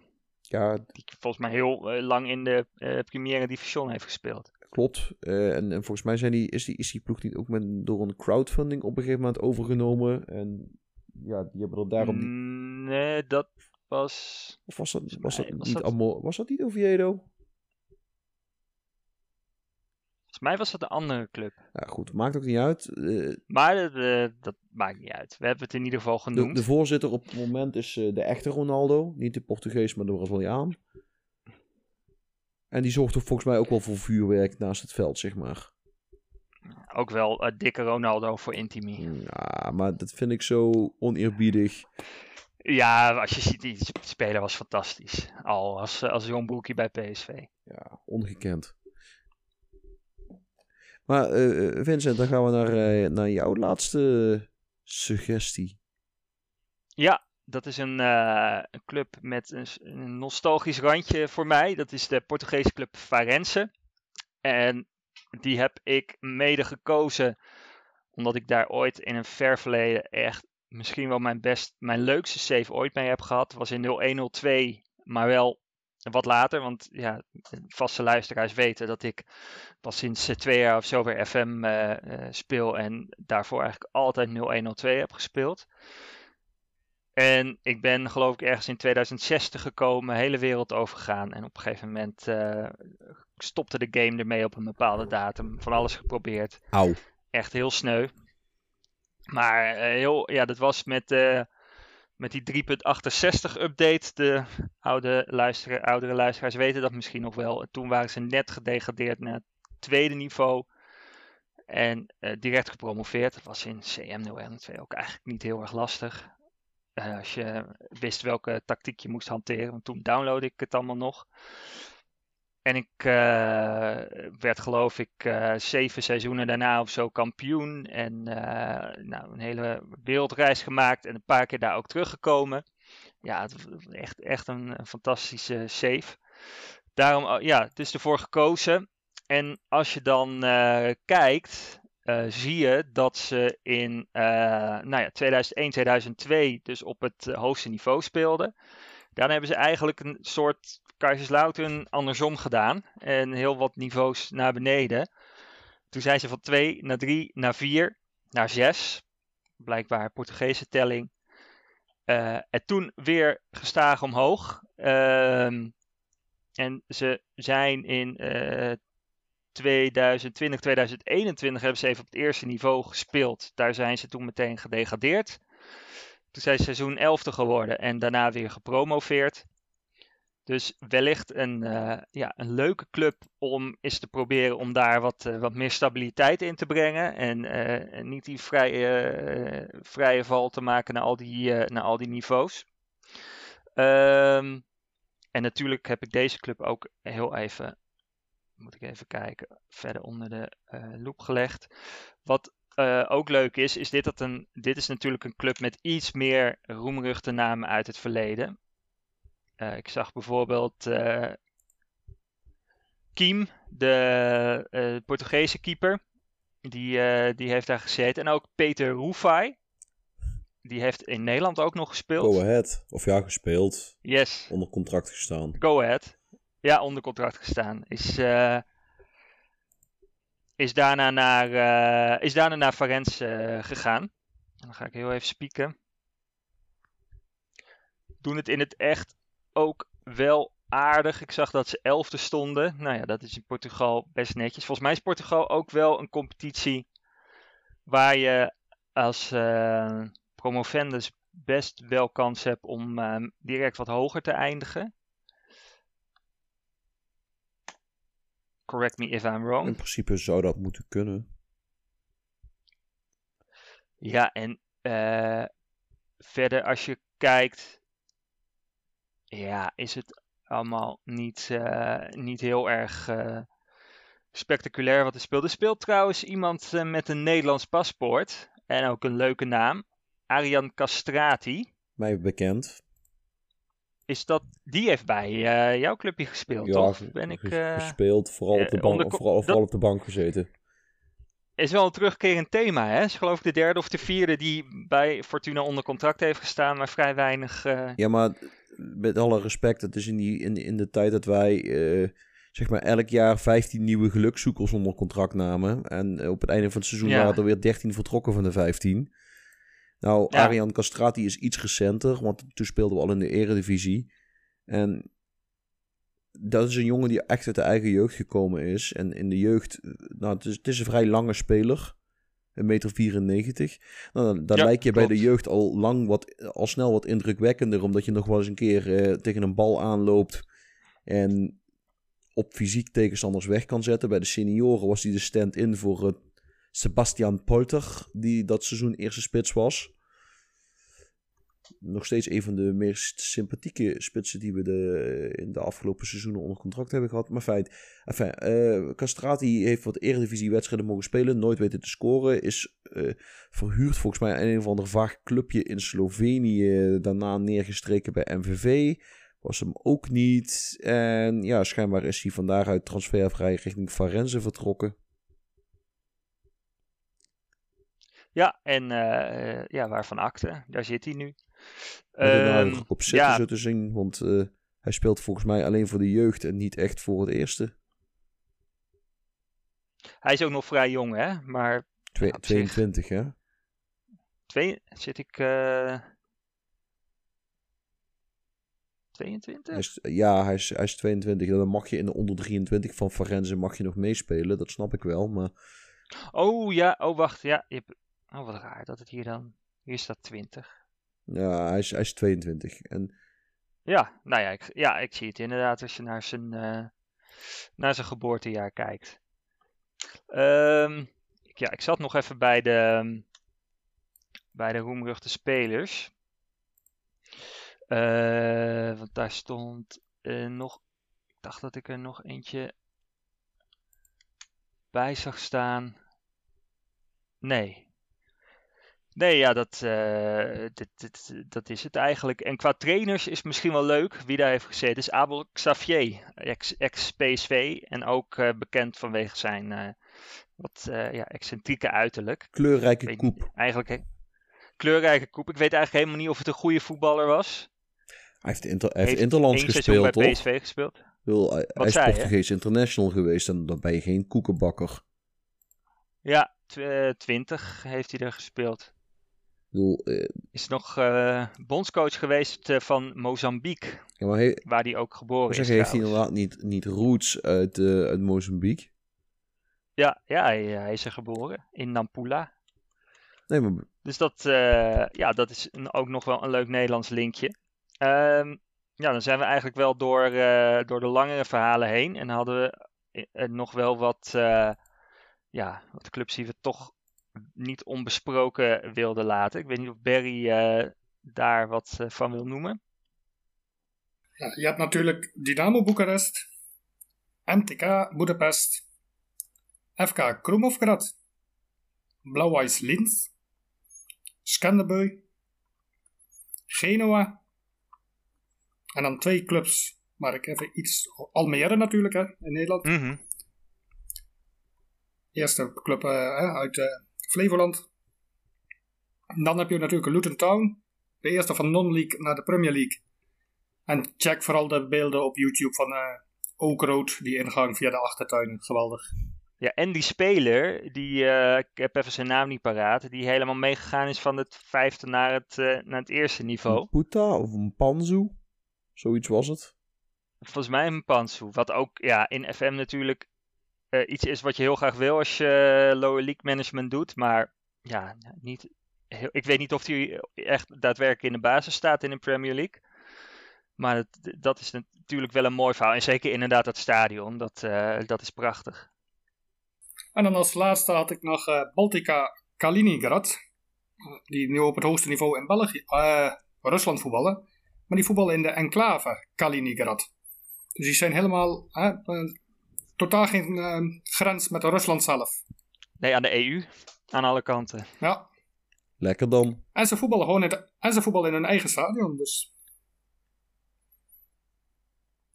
dus ik vond dat een eh, verrassende, verrassende club eh, daar nog even. Dus, eh, en natuurlijk in een niet onbesproken landje. Dus eh, er zullen misschien heel veel mensen natuurlijk liever niet daar gaan managen. Maar het lijkt mij wel een eh, leuke uitdaging. In, in, F- in. FM nodigt het natuurlijk niet uit, omdat ze in voetbalmanager compleet uitgesloten zijn van Europees voetbal. Dus Voor altijd. voor altijd. Want Ja, dat heeft niet zoveel zin dan. ik, ik- daarom zeg ik, ik denk dat je redelijk snel uitgekeken bent op de Russische competitie. Gewoon omdat je, ja, je, je kan dan niks. De- Nee. ja, de competitie compleet domineren. Nou, ja, dan misschien hoop- en dan, Ja, klopt. Daarom, hopen misschien op een eh, aangepaste database dan. die zal er vast wel zijn. En, en, en geen idee. Ik heb wel begrepen dat de jeugdploegen van de Russische ploegen komend seizoen wel weer in Europa mogen uitkomen. Dus eh, ik geloof dat de UEFA Ja, er wel mee ik- bezig is. dat had ik inderdaad ook gelezen. En wat ik weet, Baltica is een Russische brouwerij. Nou, nou weet ik niet per se of dat eh, de daadwerkelijke sponsor ook is eh, van de club. Wat je, net even, eh, wat je net ook noemde natuurlijk, Genua is misschien wel leuk. Want in de vorige aflevering hadden we het over Sampdoria, de stadsgenoot. Die juist gedegradeerd zijn. En Genua, die ondanks een, een punt aftrek eh, gepromoveerd is. Ja, wat natuurlijk wel leuk is. Jammer dat er geen, geen derby is. Ehm, dus dat is misschien ook een leuke. En dan heb je natuurlijk eh, in Frankrijk heb je ook nog Le Havre. Ehm, en was dat niet dat Liverpool daar op een gegeven moment twee van die gasten van kocht die, die er vrij weinig van bakten? Die Le Talek en Cinema eh, Pongol. die ja, ja. Ja, Maar verder ook eh, Mandanda, Paul Pogba, Payet, Mares. Ria, Mares en Congolo speelt er op dit moment. Was Kanté niet ook uit de opleiding van Le Havre? Ah, dat zou heel goed kunnen. Ja, goed. eh, Nee, nee, geen fan van Havre. Die anekdote heb ik in een eerdere podcast alles uit de doeken gedaan dat ik die club helemaal kapot gemaakt heb. Fuck Eh, ja, over, over eerdere podcast gesproken. Er is ooit in seizoen 2 een eh, aflevering eh, al gemaakt over promotie wat nu. Eh, we hebben inderdaad al een aantal zaken aangegeven, maar wellicht, eh, ja, als je er meer van wil weten, kan je die ook nog even terugluisteren. In het algemeen hebben we er wel Eh, verstand van. Zeker, zeker. En Guido, heb jij, heb jij nog wat, wat teams die je nog wat extra uit wil lichten? Ja, ik ben fan van Scanderbeu. Om, zeg maar, voor de hand liggende redenen. hè. Voor de rest hebben jullie alles er denk ik wel mooi uitgehaald. Ja, ook daarvoor verwijs ik graag naar een eh, eerdere podcast. Te weten die van eh, Twee weken geleden. twee weken geleden. Ja, twee of drie? Twee. Voor, voor, twee, vorige, ja, twee weken geleden. vorige week was de, eh, was de degradante en de week daarvoor was Scanderbeu. Ah ja, ja. Ik had ook nog even, ik had er nog eentje die, die ik zag staan. Dan hebben ze eigenlijk allemaal wel gehad. Dat was een Duitse club, Ween Wiesbaden. Ben ik net te ver Ah, je hebt ze trouwens eh, niet allemaal gehad, want dadelijk komt onze club van de week nog. Ja, zeker. Zeker. Die hebben we nog inderdaad. Eh WM Wiesbaden is, is van eh 3 naar 2 gegaan. Want ik vond het eh, wel leuk om inderdaad niet alleen, het hebben we zeker ook wel besproken, niet alleen de teams die naar de, eh, het hoogste niveau zijn gegaan, maar ook promoties daaronder. En eh, dit is een, een club die eh, vaak wat langer op het derde niveau heeft gespeeld en eigenlijk altijd na promotie naar het tweede niveau direct is gedegradeerd. Dus ook dat is een, leuk, eh, dat is een leuke uitdaging. En dan denk ik dat we er wel zijn, hè, eh, Barry? Nee, ik eh, denk het ook inderdaad. Oké. Nou, dan gaan we maar naar het toetje van de, van de uitzending. Eh, ik weet niet wie er wil beginnen met de speler van de week. Ja, die had ik eh, voorbereid. Alleen heb ik even zo snel lopen googelen dat ik hem even in één keer kwijt ben. Dus misschien kunnen we eerst even de Zal, zal, ik, boek van de zal, week zal ik het boekie gewoon doen? Yes. Ja, dan kom ik, komen we daarna even terug. It's just the most extraordinary scenario you could have dreamt of. The unthinkable unfolds before our eyes. Het boek van de week. Als boek van de week, tromroffel, ehm, heb ik gekozen voor het boek Spice Up Your Life van Jonathan Aspey. En dat heb ik om verschillende redenen gedaan. Eh, allereerst is Jonathan iemand die ik eh, reken tot mijn internetvrienden. Ja, eh, als in een gozer waar ik echt wel gewoon een jaar of tien best wel goed contact mee heb. Naast het feit dat hij over voetbalmanager schrijft, schrijft hij ook over echt voetbal. En hij heeft dus een boek uitgebracht Spice Up Your Life. Hij is ook een Liverpool-fan. Nou ja, daar kan hij niks aan doen. Maar dat schijnt wel een soort van ziekte te zijn. Als in, eh, dan wil je daar heel veel over schrijven en vertellen. En hij heeft, daar heeft daar, heeft het daar gehad over de revival van Liverpool. Zeg maar in het midden van de jaren 90. Dan heb je het dus in de tijd van eh, Roy Evans en Gérard Houllier. Ze zijn toen nooit kampioen geworden, maar ze zijn toen wel uit een dal geklommen en hebben volgens mij onder Houllier ook een eh, Europa Cup gepakt. En eh, over die periode, waar eigenlijk de basis werd gelegd, waar, waar iemand als Klop later op is ingestapt, heeft hij een boek geschreven, goede 300 pagina's. Het is compleet Engelstalig. Uh, Zoals je uit de naam van het boek en de naam van de auteur wel kon halen, gaat het hier om een Brit. Maar het, wel, het, leest lekker weg. Hij heeft een, eh, een fijne schrijfstijl. Zelfs als Engels niet zeg maar, je allerbeste vak vroeger op de middelbare school was, kom je er eh, een heel eind mee. Eh, Jonathan is op zich ook wel fan van het tactische aspect van, voetbal, van voetbalmanager en daarmee ook van voetbal. En probeert dus verder te gaan dan alleen wedstrijdanekdotes te geven. Probeert ook echt te beschrijven hoe er gespeeld werd en op welke manier dat de trainers de zaak probeerden neer te zetten. Dus ja, het, het is gewoon een lekker fijn boek. Spice Up Your Life van eh, Jonathan Aspey. Helemaal goed. Klinkt, eh, klinkt leuk. Je gaat hem ook weer terugvinden in de, ons, eh, op de Goodreads, die je in de eh, hoe heet het, show notes kan vinden. Heb jij inmiddels je speler weer gevonden, Barry? Ja, absoluut. Nou, steek van wal. What is going on here?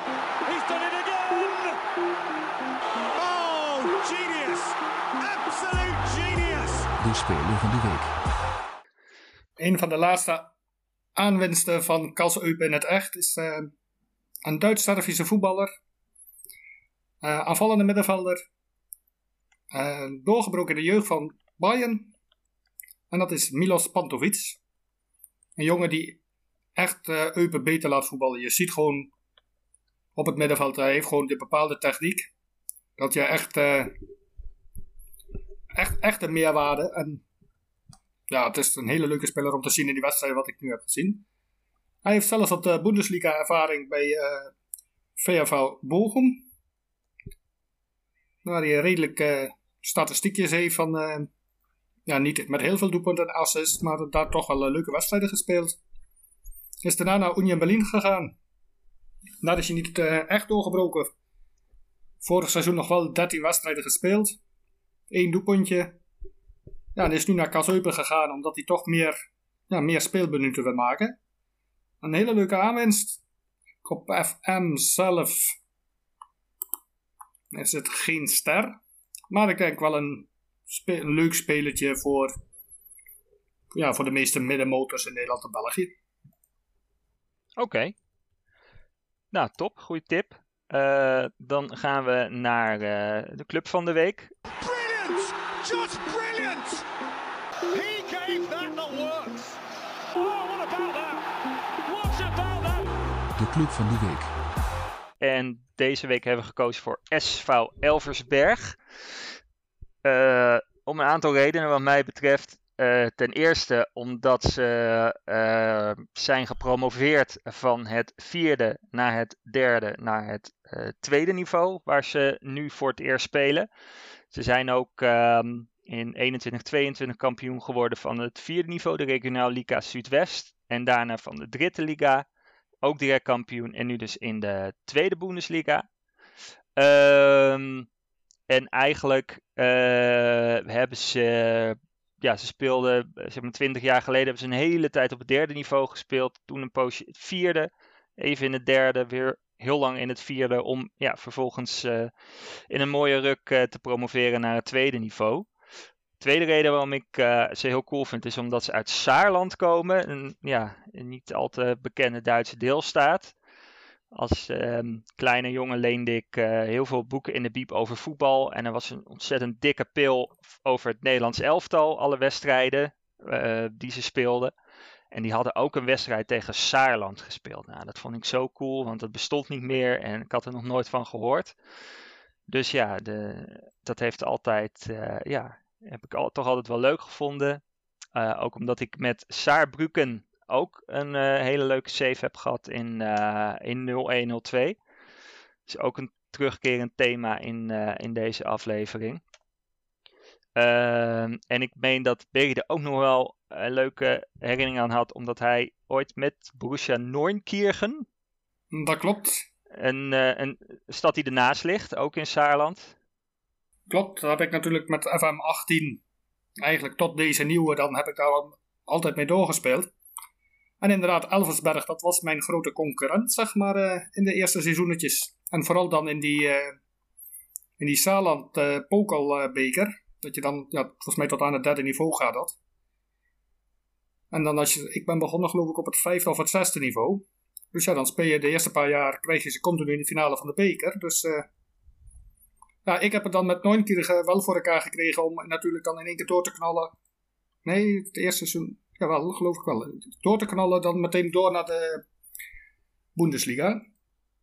Dat zie ik ze Elversberg eigenlijk nog niet doen, want op, maar ze doen het niet slecht in ieder geval.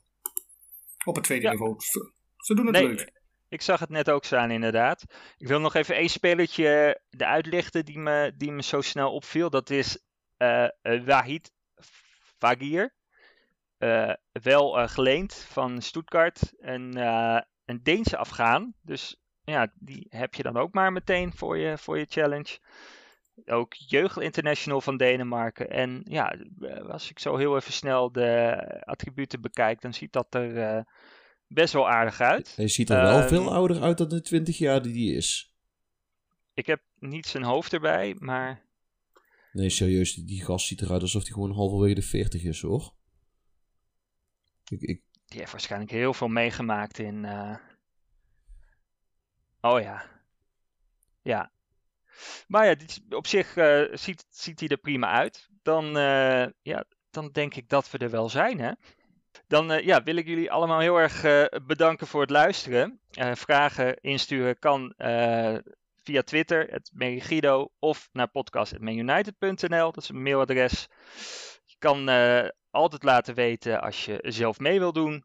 Feedback kan ook. Je hoort het ook in deze uitzending weer. Daar doen wij zeker wat mee. vergeet je vooral niet te abonneren op onze podcast, zodat je gewaarschuwd wordt wanneer we een nieuwe aflevering droppen. Um, ik zelf wat water. Ik zag dat Barry een Hertog Jan nuttigde. Guido had een, een, flesje water, als ik het ik, goed ik zag. Ik had gewoon water, ja. Gewoon Saskia bronwater, zoals altijd? Ja, ik ben, ik ben merk trouw als het op mijn water aankomt. Dat snap ik, dat snap ik. Nou ja, dat, ja dan, dan was dit het. En tot de volgende week, uiteraard. De Voetbal Managers United podcast.